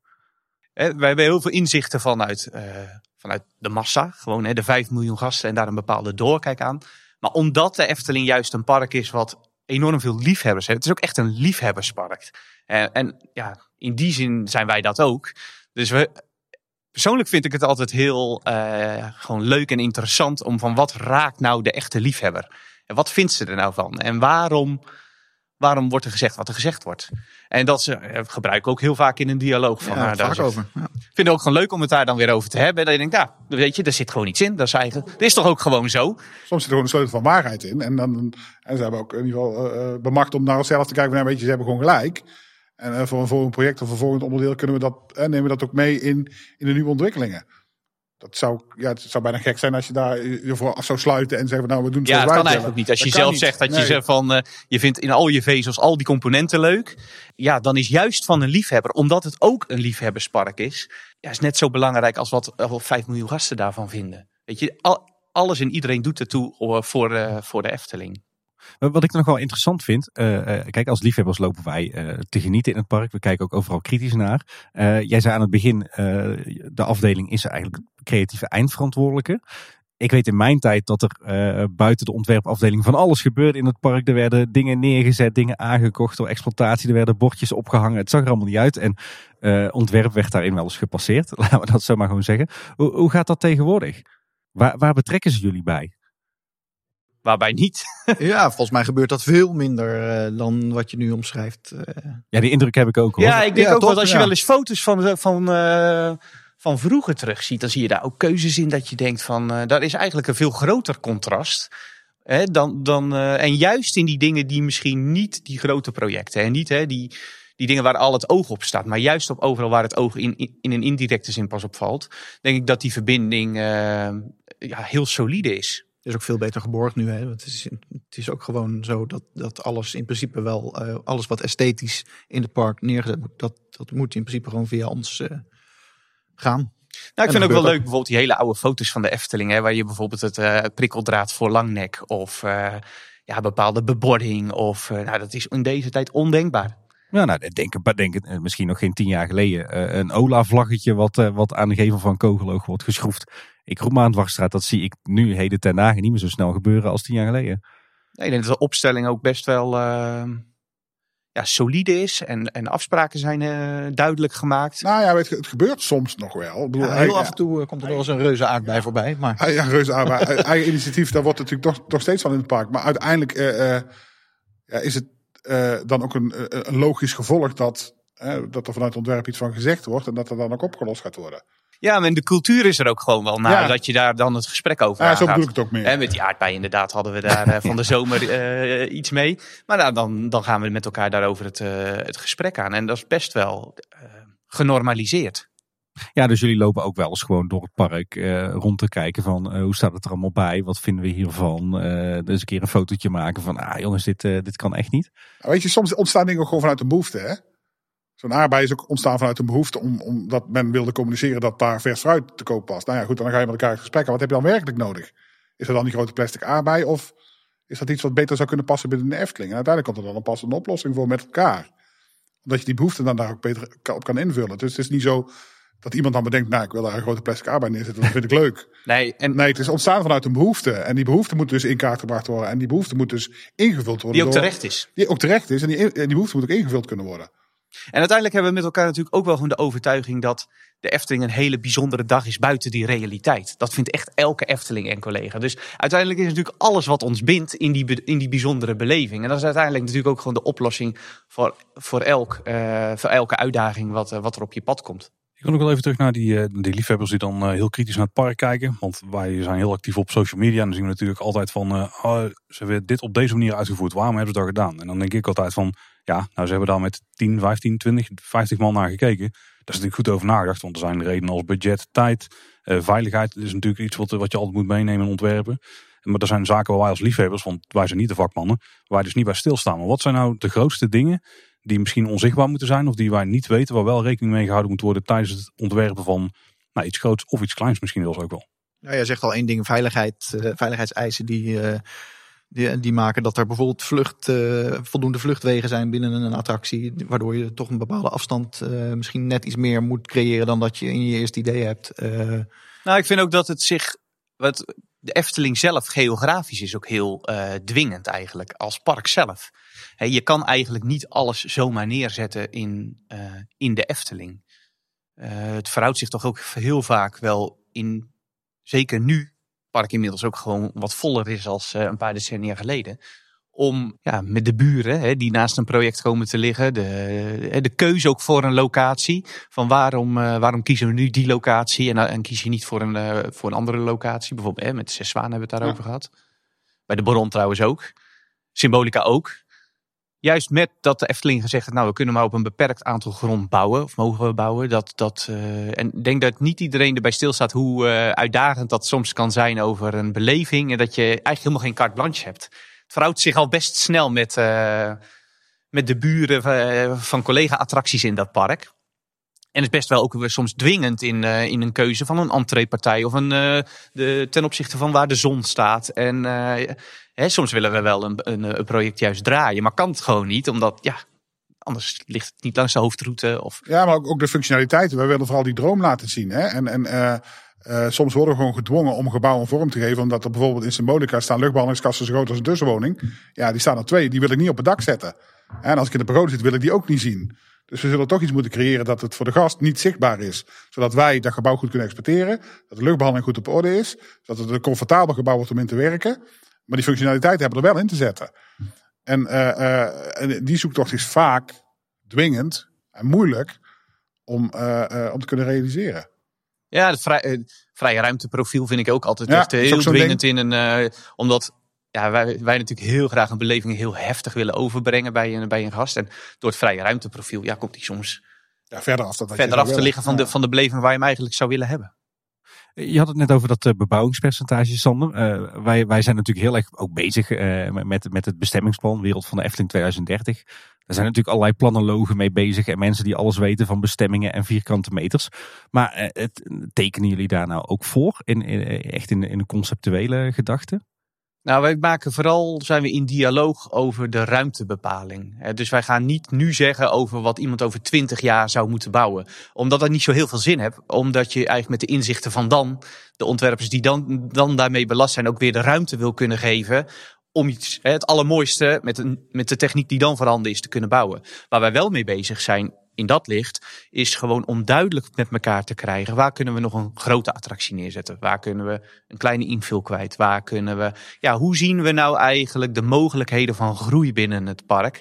En daar kunnen we natuurlijk um, wel locaties voor markeren of uh, inzichten met elkaar um, krijgen. Maar de daadwerkelijke invulling, die gaat eigenlijk pas lopen op het moment dat de opdracht loopt. Want anders heeft het eigenlijk helemaal niet zo heel veel uh, zin. Nee, dus niet zo dat jullie de hele, die hele kleurplaat van het bestemmingsplan van 2030, dat die al helemaal is ingetekend met attracties en paden en verblijfsaccommodaties en We nog te ontwikkelen gebieden versus Stichting Natuurpark de Efteling. We zijn natuurlijk bovenal een natuurpark. En wat wij willen voorkomen is dat we lintbebouwing gaan krijgen. Daarom hebben we ook zo'n duidelijk eh, bebouwingspercentage binnen, binnen onze grens van het park. Maar wat we wel aan kunnen geven is wat er nog te ontwikkelen gebieden zijn, zodat we uh, dat natuurpark niet te niet doen uh, en ontwikkelingen kunnen doorzetten. Ja, ook daarin zit gewoon een bepaald abstractieniveau. Ja. En natuurlijk moet het de uiteindelijke doel wel zijn om het park logischer te maken. Hè? Dus je wil wel gewoon je loopstromen helder houden. En daar zijn we eigenlijk wel mee bezig voor de, voor de langere termijn. Maar de daadwerkelijke invulling van wat is nu de leukste attractie voor 2040, daar heeft. Uh... We gaan een beetje richting het einde. Uh, projecten gaan ook vaak, vaak richting een einde en dan worden ze opgeleverd. Maar wanneer is nou voor jullie een project succesvol?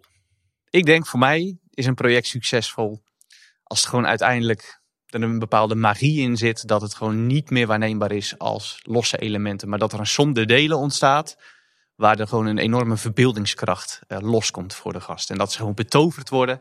Die onderdompeling ervaren in de beleving zoals we hem hebben willen neerzetten. Dus dat het zo in elkaar samenhangt.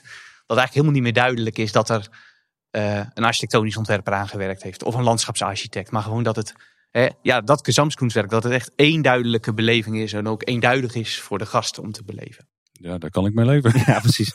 ja, ik, ik heb nog honderdduizend vragen voor jullie. Maar goed, eh, we moeten ons ook eh, natuurlijk rekening houden met de, met de tijd. Ik vroeg me nog wel één ding af. De Efteling die, uh, die focust zich eigenlijk de laatste decennia al, uh, al heel erg op het vertellen van die regionale verhalen. Typische Nederlandse verhalen, typische Brabantse verhalen. waar, waar komt dat vandaan? En is dat echt iets waar jullie, waar jullie ook echt aan willen houden? Nou, er is, je zegt dat we ons daar heel erg op focussen. Dat is volgens mij niet specifiek zo. We gebruiken ze zeker, hè? de Vliegende Hollander, uh, het verhaal van Villa Volta. Maar we, ja, volgens mij maken we toch ook een hoop uh, gebruik van een hoop verhalen die niet zo heel regionaal uh, zijn. Dus of die focus er zo echt heel specifiek is, nou, dat vraag ik me eigenlijk af. Er zit geen specifieke gedachte achter. Nee. Het is niet zo dat, dat de ontwerpen voor de, de, de komende attracties, dat die zich daar ook toe moeten beperken. Nee, nee, er zit, nee. zit geen beleid onder van oh, er moeten zoveel regionale verhalen in. Het is dan vaak dat we aansluiting zoeken gewoon voor um, om een herkenbaar verhaal of een mooi element. Hè. En als dat regionaal is, dan is dat leuk. Maar het is echt geen uh, onderdeel van. Uh... En er zijn ook heel veel belevingen die juist helemaal niet regionaal zijn. Of nee, is geen doel, uh, geen doel op zich. Ah, duidelijk. Dan hebben we in uh, de laatste minuten van, van ons interview hebben we nog een paar uitsmijters. Dat zijn eigenlijk korte vragen uh, waarvan we het leuk zouden vinden als jullie er alle drie heel kort telkens en heel snel liefst ook een antwoord op zouden kunnen geven. dat houdt het ook een klein beetje uitdagend. En dan stel ik voor dat we voor ons met de klok meegaan. Dus Sander, Jeroen en Ronald telkens. Um, eerste vraag. Welke bestaande attractie zou je eens flink willen aanpakken? Ja, korter. Uh, nee, ik moet zeggen, mijn lievelingsattracties denk ik. Uh, onder, ja, of een van mijn lievelingsattracties is Fata Morgana. En daar vind ik natuurlijk de show ontzettend uh, mooi van. Maar ik denk dat de potentie van Fata Morgana gewoon ontzettend groot is. Dus ja, daar zou ik wel heel interessant vinden om van de kracht die de attractie nu heeft, dat nog, nog mooier te maken. Ik, heb, ik, heb, ik vind het moeilijk om een keuze te maken. Ik, ik heb niet echt een attractie waarvan ik denk, daar zou ik iets heel anders van willen maken. Of. Heel flauw, Jeroen. Ja, sorry, maar het is wel echt zo. Nou, ik heb ook niet echt een attractie waar ik, die, die ik echt zou willen veranderen. Maar ik wel uh, architectonisch natuurlijk. We hebben gebouwen zoals Fabula, we hebben gebouwen zoals Carnaval Festival, we hebben gebouwen nou, die, die, die wel die blokkendoos zijn, hè, waar we niet de dynamiek in hebben, die zou ik wel eens een keer aan willen pakken, ja.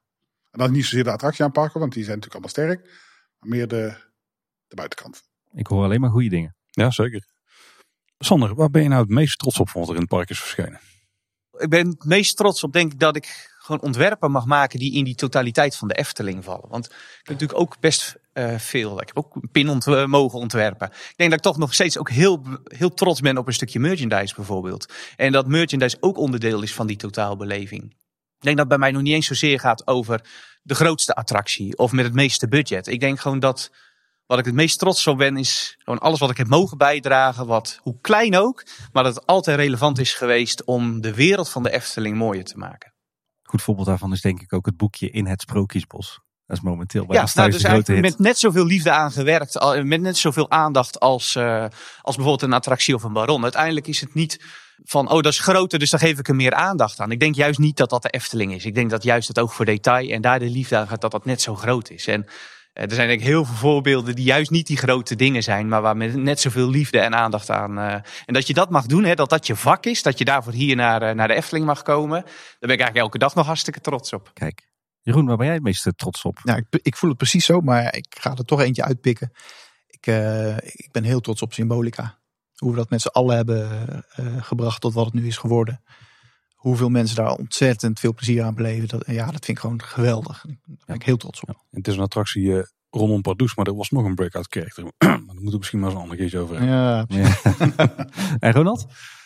Ehm, ja, vooral trots op de samenwerking. Maar ik denk ik vooral heel erg trots ben geweest op wat ik eh, in mijn 18 jaar Efteling bouwkunde echt serieus op de kaart heb kunnen zetten in de Efteling. Eh, waar we nu nooit meer zo'n hal als Fabula zouden bouwen. Of eh, zo'n hal als eh uh, Festival. Dat we nu echt gaan kijken dat, het, dat de architectuur bij moet dragen aan het verhaal wat we willen vertellen. En dat is wel echt anders geworden. Kunnen we alleen maar toejuichen. Ja, precies. Wie is eh, jullie grote voorbeeld, als je dat hebt? Ah, nou, mijn held is Jan Mankes. hè. Ja, ik Dus zeggen, dat, Jan eh, Ja, Jan. Ja, dat is, dat is oneindig mooi. Als je, ben, je- heb je wel eens een schilderij van Jan Mankes gezien in het echt? Ja, dat vind ik, eh, daar zie je, dat is alleszeggend. Toen ik dat zag, maar dat is, weet je, dat is niet mijn ontwerpvak. dat is gewoon meer wat, wat zo'n schilderij doet. En wat het alleszeggend is met eigenlijk heel weinig middelen. Hè, toch de, suggestie. En dus, dat, dus daar ben ik wel echt heel groot liefhebber van. Gewoon ook als voorbeeld wat ik wel echt geweldig vind, is eh, wat Tim Delaney heeft gedaan voor Space Mountain. Vind ik fantastisch. En ook Eddie Sotto voor eh, Main Street in eh, Disneyland Parijs. Ik vind gewoon dat creatieve team wat eh, ook gewoon omdat daar het detailniveau echt aanzienlijk hoger is dan, dan alle andere Disneyparken. Dus ik vind wel wat zij hebben neergezet over beheersbaarheid van een beleving en de volledigheid daarvan. Dat vind ik nog steeds altijd ontzettend indrukwekkend. Ik dacht dat je er maar eentje mocht noemen. Maar, Ja, daar, ga ik, daar ga ik er ook twee doen. Nee, daar ga ik er twee. Eh, in eerste plaats zeker Anton Pieck. eh, Dat, eh, daar hebben we het al eerder over gehad. Zijn werk inspireert ons nog steeds. En eh, dat is eh, ja, natuurlijk gewoon als grondlegger van... eh, een van de grondleggers van de Efteling. Gewoon heel belangrijk. Daarnaast ben ik groot fan van het werk van Mark Davis. Een van de eerste Imagineers van de Disney parken.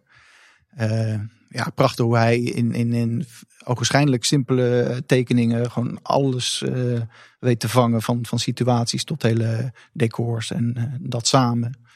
Heel veel respect voor. Vind ik ook wel moeilijker, weet je, want de- basis ligt wel bij Anton Pieck, zeg maar. Maar als je dan gaat kijken naar architectuur, wat toch mijn vak is, dan vind ik Victor, Horta wel een hele belangrijke architect die, die een stroming heeft ontwikkeld waar ik zelf heel erg fan van ben, Jugendstil. Ik hoor alleen maar goede dingen nog steeds. ja, maar goed, uiteindelijk heb je ook een Michael Graves en je hebt ook een eh, eh, eh, die, die van een hele simpele architectuur zei. Een kind met een blokkendoos moet het kunnen maken. Nou ja, zijn architectuur is daar echt wel een voorbeeld van. Maar Kuipers natuurlijk ook. En dat zijn vooral architecten die heel erg bezig waren met het maken van het gezamskunstwerk. Ja. Dus alles moet met elkaar kloppen. De meubels moeten kloppen met de vloer waar het op staat. Moeten kloppen met het plafond waar het mee uitgestrookt wordt. Maar ook nog kloppen met de gevel aan de buitenkant. En dat, vooral dat soort architecten dat zijn voor mij een hele grote inspiratiebron. Wat is jullie favoriete plek en attractie in de Efteling? Herautenplein. Dat is voor mij toch wel eh, een beetje de basis van alles wat we hier gaan doen op de Efteling. Eh, Sowieso vind ik Spookjesbos sowieso heilige grond. En eh, ja, dat is toch wel een soort van het hart van de heilige grond. Ja, los van de personeelskantine met die heerlijke kroketten. waar, ik graag, waar, waar ik graag iedere dag toch even langsloop. Is eh Fata Morgana mijn favoriete attractie. Op de voet gevolgd door Symbolica. Ja, favoriete plek is misschien iets anders dan een favoriete attractie. En want ik denk uh, voor de, ik vind Villa Volta fantastisch, Indische waterlelies, Fata Morgana. En, maar mijn favoriete plek is iets anders. En ik weet niet waarom, ik kan het eigenlijk ook helemaal niet goed duiden. Maar ik heb altijd, uh, wat ik super mooi in de Efteling vind, is de uitgang van het spookslot. Zo die halve draaiing, ja, bos aan ja, je linkerkant. Gewoon dat, dat je dan naar beneden wandelt. Gewoon hoe dat, uh, dat bouwkundig in elkaar steekt. Dat huisje. Dat, daar zit dus iets in wat voor mij meer is dan een soort som de delen. Daar zit gewoon een, een bepaalde magie in voor mij. Dat elke keer, heb ik als kind al. Maar elke keer als ik daar nog steeds ben. Dan denk ik, goh, wat zit dat toch fantastisch in elkaar. Ja, misschien ook wel een beetje dat, dat donkere, hè, dat duistere. Dat net, net, net dat donkere randje eraan. Ja, super mooi. Hey, dan gaan we ook even, even een klein beetje verraad plegen. Maar dan wil ik natuurlijk ook weten wat jullie favoriete park is buiten de Efteling, mag niet de Efteling zeggen. En wat jullie favoriete attractie is buiten de Efteling. Hoeft niet in hetzelfde park te liggen dan. Ja, Disneyland Parijs. En dan denk ik toch wel de Pirates. Daar komt alles bij elkaar. En mijn favoriete park, uh, in, dat is dan in Orlando. Daar ben, ik heb helaas de Aziatische park, waar ook een paar hele mooie tussen zitten, heb ik begrepen. Zelf nog niet mogen ervaren, maar uh, Animal Kingdom is mijn favoriete park eigenlijk. En mijn favoriete attractie buiten de Efteling vind ik een lastig. Ik vind Pirates inderdaad heel gaaf. Uh, wat ik heel, uh, ja, wat ik eigenlijk nog steeds wel een van mijn favorieten vind, is uh, gek genoeg een attractie die ik zelf nooit zou ontwerpen, maar Spider-Man in Islands of Adventure, waar heel knap gebruik is gemaakt van, van de techniek met schermen, waar ik helemaal geen fan van ben. Maar daar is het omdat je eigenlijk in een soort tekenfilm terecht bent gekomen, is het wel weer, daar werkt het wel weer goed, omdat sets en, en scherm daar eigenlijk best wel heel goed bij elkaar komen. En ja, je daar gewoon echt een ongelooflijk avontuur eigenlijk meemaakt in een heel korte tijd weer. Echt heel knap gedaan. Ik denk dat mijn favoriete park Tokyo Disney Sea is. Omdat daar... Omdat jij daar wel bent geweest. Uit ervaring. Maar omdat dat eigenlijk de grenzen van. Het is eigenlijk geen, ja, het is geen park meer. Hè. Het is meer een soort wereld waar alles heel mooi naadloos in elkaar over. Eh, dus daar vind ik ook heel veel parallellen met de Efteling eh, zitten. Dat zijn gewoon heel duidelijk. Ja, daar vervragen, grenzen. En mijn favoriete attractie. Ja, ik kan alleen maar de Pirates zeggen. Dat, dat is mijn all-time favorite dark ride. Met als goede tweede Indiana Jones in uh, Anaheim. Want ik vind daar het ritssysteem uh, fantastisch. En hoe je daar het avontuur ook echt beleeft. Gewoon de schaal uh, ook van de scènes toch duizelingwekkend. een mooie storyline. Gewoon echt een avontuur. Dus die vind ik misschien qua techniek beter. Maar ik vind Pirates... Paul, jij klaagt altijd dat ik altijd zoveel uitweid en nooit kort en bondig ben. Maar je ziet het wel. Dat ligt niet aan mij. De Efteling-ontwerpers doen gewoon hetzelfde. Dat komt omdat jij hier hebt gewerkt, denk ik. oh, is dat het? En dan nog een laatste uitsmijtertje. Um, wat is jullie droomwens voor de Efteling of voor je werk in de Efteling? Wat, wil je altijd, wat zou je altijd nog graag een keer willen doen? Mijn droomwens is, um, ik zei net over wat ik zo mooi vind aan uh, Tokyo Disney Sea, dat uh, grenzen vervagen. En, en dat vind ik in de Efteling eigenlijk ook als park. Maar mijn droomwens is wel dat we, daar, dat, we dat eigenlijk nog um, heftiger beleiden. dus dat merchandise niet alleen merchandise is, overnachten niet alleen overnachten, maar ook de, de grenzen tussen attractie en een winkel en horeca nog, daar, ja, dat is eigenlijk nog best wel traditioneel. Hoe de, ook hoe de industrie dat doet. En ik denk dat uh, als je gaat toch, uh, de droom is om de beste beleving te maken, dan denk ik, dan kan je er niet aan ontkomen om, uh, om daar de grens in op te zoeken. Wat is overnachten? Wat is eigenlijk een attractie? Wat is een winkel? Dat is wat me heel erg bezighoudt. Zien we daar een Polderskeuken al een soort voorproefje van? Maar is dat nog steeds een uh, los en horeca ja, okay, Dus ik denk okay, dat, daar de, dat we daar de grenzen nog niet in, uh, in bereikt hebben. Beetje Star Wars land, hè? Hoor ik er ook Oeh, een beetje ja, terug. Okay. Niet, mijn, niet mijn IP, maar qua opzet. Droommensen voor de Efteling, Tim. Dat is inderdaad een heel mooi streven wat jij daar roept. ja, ik had een heel, veel, uh, ik had een veel egoïstischer ding. Ik, mijn droomwens is gewoon dat ik nog heel lang heel veel mooie dingen voor de Efteling mag maken. Want ik vind het fantastisch ik ben er bijzonder trots op dat ik dat mag doen. En ik hoop dat ik dat nog heel lang mag doen. Ja, mijn droom is uh, natuurlijk alles wat hier al gezegd wordt. Uh, maar om, om de Efteling na mijn tijd een stukje mooier achter te laten voor de volgende generatie. Ik vind het heel belangrijk om, om, om de jongere generatie nu al op te leiden met, met onze uh, kennis en kunde en ideeën. En dat ze die zich kunnen ontwikkelen naar, de, naar hun eigen generatie. Kijk, mooi. Wijze woorden, Paul. Ja, zeker. En dan zijn we daarmee wel aan het einde gekomen van deze 200ste aflevering, Tim. Ja, eh, nog steeds jammer dat we die niet met onze luisteraars konden vieren. Maar ik denk dat dit eh, interview toch eh, Waardige vervanger. met, met recht en waardige vervangen. Ja. Hey heren, hartstikke bedankt. Eh, heel tof om jullie een keer in deze samenstelling eh, te treffen. En volgens mij hebben we ook een mooi inkijkje kunnen geven in wat er nu eh, precies allemaal gebeurt op jullie ontwerpafdeling. En hoeveel kroketten er worden weggegeten iedere Ja, lunch. ja. En, en we hebben dus nog honderdduizend andere vragen. Maar wie weet dat we ooit nog wel eens de kans krijgen om jullie allemaal apart nog eens te spreken over alle mooie projecten die jullie hebben gerealiseerd. En dit is aflevering 200, maar er komen er gegarandeerd nog wel wat meer aan. Ook de Efteling bedankt trouwens voor het feit dat we toch deze kans kregen om hier aan tafel te schuiven ter gelegenheid van onze 200ste aflevering. Nou, luisteraars, bedankt voor de aandacht die jullie ons al hebben gegeven in de afgelopen 200 afleveringen. Eh, deze was natuurlijk uiteraard zoals altijd ook voor jullie. Eh, wil je nou meer weten over ons, dan kun je naar onze website gaan, kleineboodschap.com. Ja, daar vind je eh, de afleveringen, daar vind je alle show notes behorend bij de afleveringen en het contactformulier. Want wil je contact met ons opnemen, dan kan via dat formuliertje. Maar je kunt ons ook bereiken op social media. Op Twitter zijn we @kboodschap. En op Facebook en Instagram zijn we een kleine boodschap. En je vindt ons natuurlijk in alle podcast apps. Iedere maandagochtend staat er weer een nieuwe kleine boodschap voor je klaar. Met eh, achtergrondinformatie of nieuws over de Efteling. Dus als je erin geïnteresseerd bent, abonneer jezelf. En dan eh, ja, iedere maandagochtend weer vermaken. Ja, je kan ons ook luisteren in Spotify. En eh, heb je Apple Podcast, dan vinden we het leuk als je ons rate of een review geeft. En dan wil ik bij deze nogmaals de heren bedanken. Voor de, en de Efteling voor de gastvrijheid. Op naar eh, de volgende 200 afleveringen Kleine Boodschappen, Paul. Dat is de afgezaagde die we dan moeten uitspreken inderdaad. voor nu in ieder geval eh, bedankt voor het luisteren. Tot de volgende keer. En houdoe. Houdoe waar. Ja, tot de volgende. Tot ziens. Dank jullie wel.